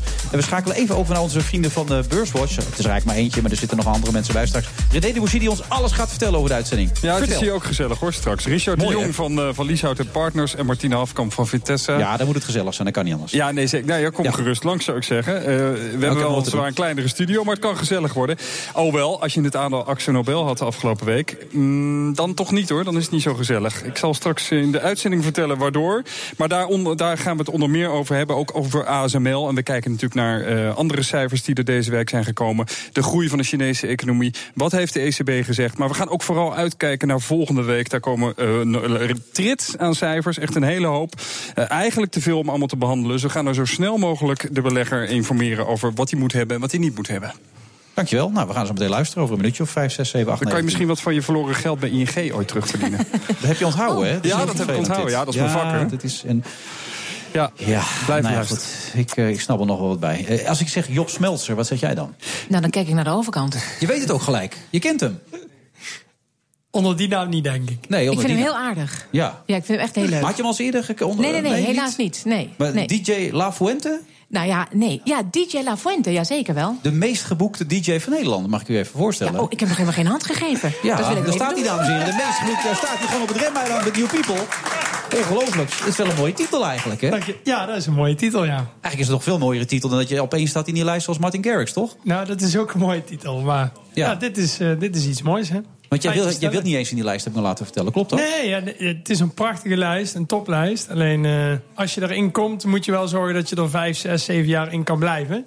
Dus eh, eh, voor, mij, eh, voor mij komt hij nog. Hij komt nog, die lijst. Oh, oké. Dat is wel een streven uiteindelijk. Tuurlijk, tuurlijk. Maar hoe kan het dat je zoveel geboekt wordt dan? Want dan moet je toch al heel erg goed en bekend zijn. Ja, dat klopt. Kijk, eh, sommige continenten zijn iets groter qua likes. Dus als jij ook heel net zo bekend bent als wij hier, als in Amerika en Mexico, et cetera, dan gaan de likes nogal omhoog. Ja. Dus dan is het voornamelijker dat je hoger in zo'n lijst komt. Jij denkt Dus, in de eh, likes. Dat vind ik wel mooi. Dat mensen in likes denken. Dat... Ja, ik, ik hoor ook een, een zachte G. Wa- Waar kom je vandaan? Brabant. Kijk hier. Kijk. Eindhoven? Eindhoven, ja. Echt waar? Oh, daar ben ik ook geboren. Kijk, zie, ik dacht al. Ik zag De het gezelligheid zit aan tafel ja, hier. precies. Zo Nou, dan, moet het. jij, dan Sorry, kun jij me even doorzagen nu. Nee, Kom maar, het is, nee, nee. nee, het is jouw eh, bloedgroep dit. Nou ja, dus, weet, je, eh, weet je wat ik... Nou, weet je, echt even één ding over Eindhoven. Ehm, dat strijp S. Ja. Dat is toch helemaal geweldig? Ja, dat is top.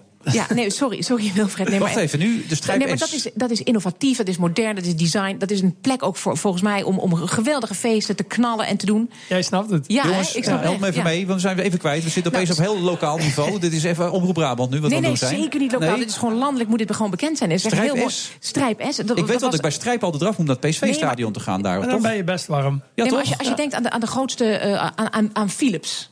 Nou, heb ik wel van gehoord. Ja, daar heb van gehoord. Ja, Ja, nou, dus, ik bedoel, ik er. Eindhoven de Lichtstad, je snapt hem, hè? Ja. Dus dat hele, ehm, ja, dat, die hele fabrieken van Philips zijn Ja. nu omgebouwd... tot hele supermoderne winkeltjes en dingetjes en kroegjes. Als je daar naar een ijssalon gaat bij Strijp S... dan krijg je gewoon een vijf gangen menu van ijs. Eh, Lucille, help me even mee. Nou komt die jongen vertellen over zijn vak... en dan Ja, staan wij over ik. Strijp S te ik praten. Dit is toch niet helemaal... Dit.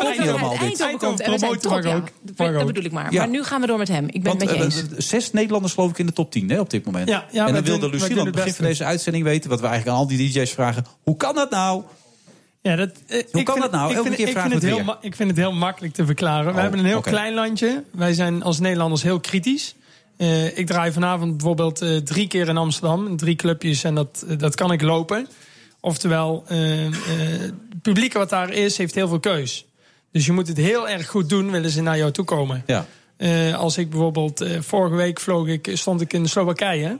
Daar heb je een club. En in 200 kilometer daar rondom zit geen andere club. Dus die mensen gaan sowieso allemaal naar die club toe. Ja, dus kun je alles doen die avond. Ja, je mensen kunt bij die wijze van daar spreken andere hazes opzetten. Ja, Ja. mensen die daar draaien, die zijn minder getriggerd om heel hard te werken en echt voor, voor die mensen te draaien en die mensen te vermaken. Wij zijn hier heel kritisch. We hebben alles op een korte ruimte zitten. Dus eh, als wij met die power en energie en kennis van het publiek naar het buitenland gaan, dan staan wij erom bekend dat wij echt een hele grote show neerzetten qua muzikaliteit, qua energie, qua vibe. Wat zij minder gewend zijn. En wij moeten ook heel erg vooruitstrevend zijn in de muziek. En je moet proberen vanavond bij die drie shows de platen te draaien die nog niemand kent of die andere collega's niet draaien. Maar kan dat nog? In, Ja. in dit circuit, dat je allemaal elkaar zo concurreert, kan dat dan nog? Om zo dus je- onderscheidend te zijn? Ja, dus je maakt je eigen platen, je eigen edits. Je probeert zo ver mogelijk vooruit te lopen. En dat zijn ze in dat soort landen bijvoorbeeld wat minder gewend. En daarom komen wij vaak heel erg hard binnen op die plekken. Oké, maar zo Martin Gerks, die nu al op één staat, is die zo goed? Ja, die is, eh, die is, die is heel goed. Ja. Die is, wat ik heb begrepen, ik ken hem van, van wat jongere verhalen ook. Eh, die is ook begonnen met een drive-in, zoals hier veel Nederlanders beginnen. Dus draaien op bruiloften, schoolfeestjes, et cetera. weet ik ook, maar dat Dus- is niks. Nee, Nee, nee, daarom zit ik nu hier. Maar ga door. Ja. Nee, maar daar leer je, daar leer je heel erg op, op publiek in te spelen en te draaien wat mensen willen. En eh, wij hebben als Nederlanders het geluk dat je hier heel snel veel draaiuren kan maken. En jij zegt, eh best geboekte DJ van Nederland vorig jaar, ik doe 350 shows in een jaar.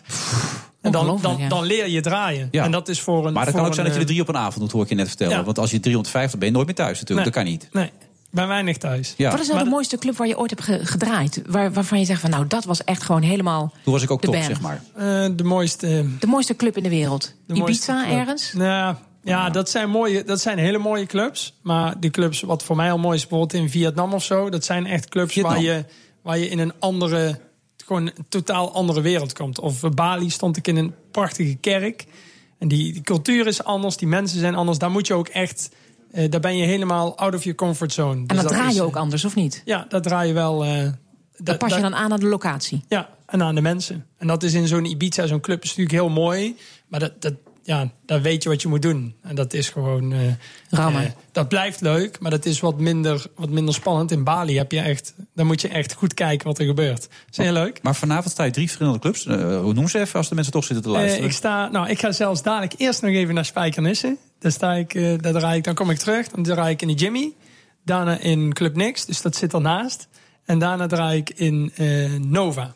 Dan ben je om half drie zes klaar ongeveer. Eh, tien over zes. Tien over zes? Ja, en mensen houden dat vol, hè? Knap, hè? En ga je dan slapen meteen?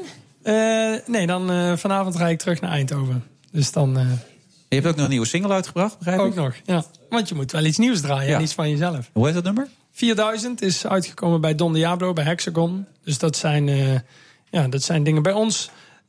Zit heel veel, ja, niet heel veel druk, maar je hebt hier wel heel veel kansen om, om, om je te profileren, ook tijdens de ADE. Ja. En eh, eh, ook als je ziet wat we gisteren allemaal doen. En je gaat hier naar meetings, maar je gaat ook, wij gaan dadelijk met een hoop collega's eten. En daarna ga je naar feestjes waar je elkaar ook weer tegenkomt. We zijn als Nederlanders ook wel een mooie groep. Wij gunnen het elkaar ook in die lijst. En anderen uit die lijst gunnen het de mensen ook in de lijst. Oké. Dus we zijn ook best wel een mooie groep. Het is een beetje zoals in Hilversum. We zijn ook altijd heel vriendelijk tegen elkaar. Eén grote familie enzovoort. Hè? Luciel, toch? Zeker, ja. zeker. Ja, dan herken jij dit, hè? Ja. Nee, maar het is goed om te horen dit. Je staat gewoon aan het water en dat ga je de rest van de avond ook doen, neem ik Ja, aan. ja, ander- anders zou ik het niet volhouden, denk Nee. ik. DJ La Fuente, binnen afzienbare tijd in de lijst. Maar nu nog deze steeds de meest geboekte van Nederland. Wel mooi natuurlijk allemaal. Is dit hem of niet? Is het het nieuwe nummer? Ja. ja. Ja, dames gaan helemaal los hier meteen. Hij wordt eh, meteen ingestart. Dat is heel goed. Lekker toch? Ja, heerlijk. Ja, het is dat ik vanavond weer moet werken, man. Dus was ik even gegaan natuurlijk. Hè? Dat begrijp je wel. je want, kan eh, daarna toch nog even gaan? nee, ik moet morgen afzwemmen, dus het gaat helaas Oh. niet. Nee, dat is nou weer zonde eigenlijk. Anders was ik zeker Ik wou gegaan. zeggen, tien over zes. Dat, Ja. eh, Nee, dat gaat mij niet lukken. Maar het klinkt lekker allemaal. ja, dankjewel. Goed Hier dat je gaat er was. vanavond. DJ La Fuente. Geef hem nog een keer applaus, dames en heren. Hij was hier gewoon met New People op het Remeiland.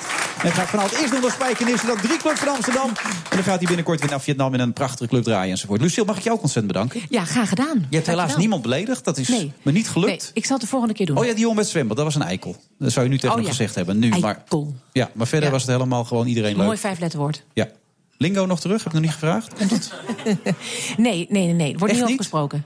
Echt niet? Nee, nee, ik denk echt 100%? niet. Nou ja, zeg nooit nooit, maar nee, daar praten we niet over, nee. Oké, die ballen kosten 150 euro per stuk. Heb jij ze allemaal achterover gedrukt of niet? ik, wij hebben ze altijd gewassen en gedaan. Ik zorgde altijd dat ze weer hygiënisch in de bak terechtkwamen. Ja. Eh, de ballen zijn nu wel in de kluis, dus we hebben de ballen niet weggegooid. Nee. En nummertje 42 ligt thuis. Echt waar? Ja. Mooi. Ja, ik denk misschien komt er nog een verhaal bij, maar daar komt Nee, verder geen verhaal bij. nu, jij sluit nu af, denk ik. Nee, ik denk Je komt moet nog een verhaal over 42, maar ik denk ik ben 49. Dat kan helemaal niet, dacht ik nog. Nee, die bal die. eh, nee, ja, nee, die, eh, nee, die bal is, bestaat niet. Oké. Ik heb nog nooit gekeken, dus ik wist het niet. God, het is toch Ja, een verschrikkelijke man. Ik denk, ja, het zal wel aan mij liggen, maar ik heb het hele spel zit, nog nooit zit ik gezien. twee keer in Dus. de week naar jou te kijken. Heeft hij nog nooit naar Lingo gekeken? Het is toch verschrikkelijk. En wanneer werd dat uitgezonden dan? Dagelijks. Dagelijks zelfs, zo. Ja. Nou, nou, bedankt. Ja, kan gebeuren dit, hè? Hoe heette die man waar je mee zat, Fred? eh? JP. Oké.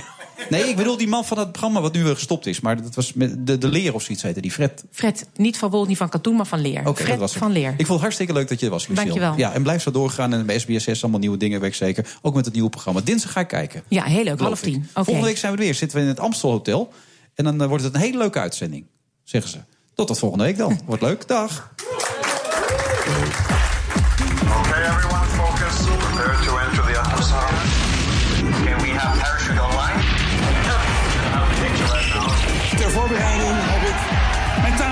met niemand minder dan Frans Timmermans. En die draait nu ook, produceert nu ook. Eh, daar hebben we twee platen van uitgebracht. En dat is natuurlijk een raar verhaal.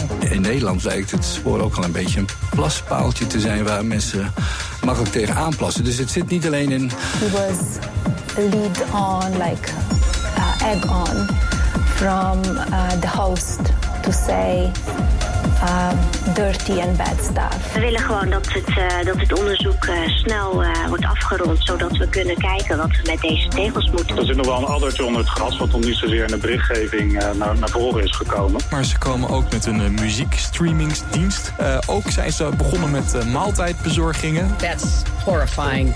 Die lander die is ergens op Mars, maar hoe weten we op dit moment niet. Well, that's because he'd rather have a puppet as president of No the United puppet, States. no puppet. And Ik verwacht niet dat we vanavond conclusies trekken. Ik zal de... Nobody has more respect for women than I do. Nobody. En met je opgewaardeerde biertegoed ga je naar een café bij jou in de buurt en verzilver je je biertegoed aan de bar. Vanaf maandag kunnen we Ray ook horen. Dan loopt er ook een spotje op de radio. En die draait nu ook, produceert nu ook. Eh, daar hebben we twee platen van uitgebracht. I will look at it at the time. I'm not looking at anything now. I'll look at it at the time. Of dat betekent dat de landing is mislukt, is echt te vroeg om te zeggen. Men heeft er begrip voor, maar men is ook bezorgd. De Nederlandse nee-stem heeft natuurlijk internationale consequenties. And I was sexually assaulted by Bill Clinton. En die draait nu ook, produceert nu ook. Eh, daar hebben we twee platen van uitgebracht. The process is rigged. This whole election is being rigged. Dat zal echt afhangen van de marktomstandigheden. Je gaat niet met je app langs elk product. En verder heeft Rusland nog steeds geen uitleg gegeven. These lies spread by the media. Of dat betekent dat de landing is mislukt, is echt te vroeg om te zeggen. Well, we move on. Okay, good.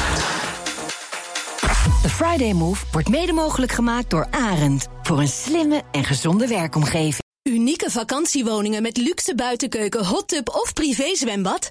Het kan allemaal op Straaprechtse Venne. Het luxe vakantiepark midden in de Brabantse natuur. Investeren en recreëren? Ontdek het op Brabantisprachtig.nl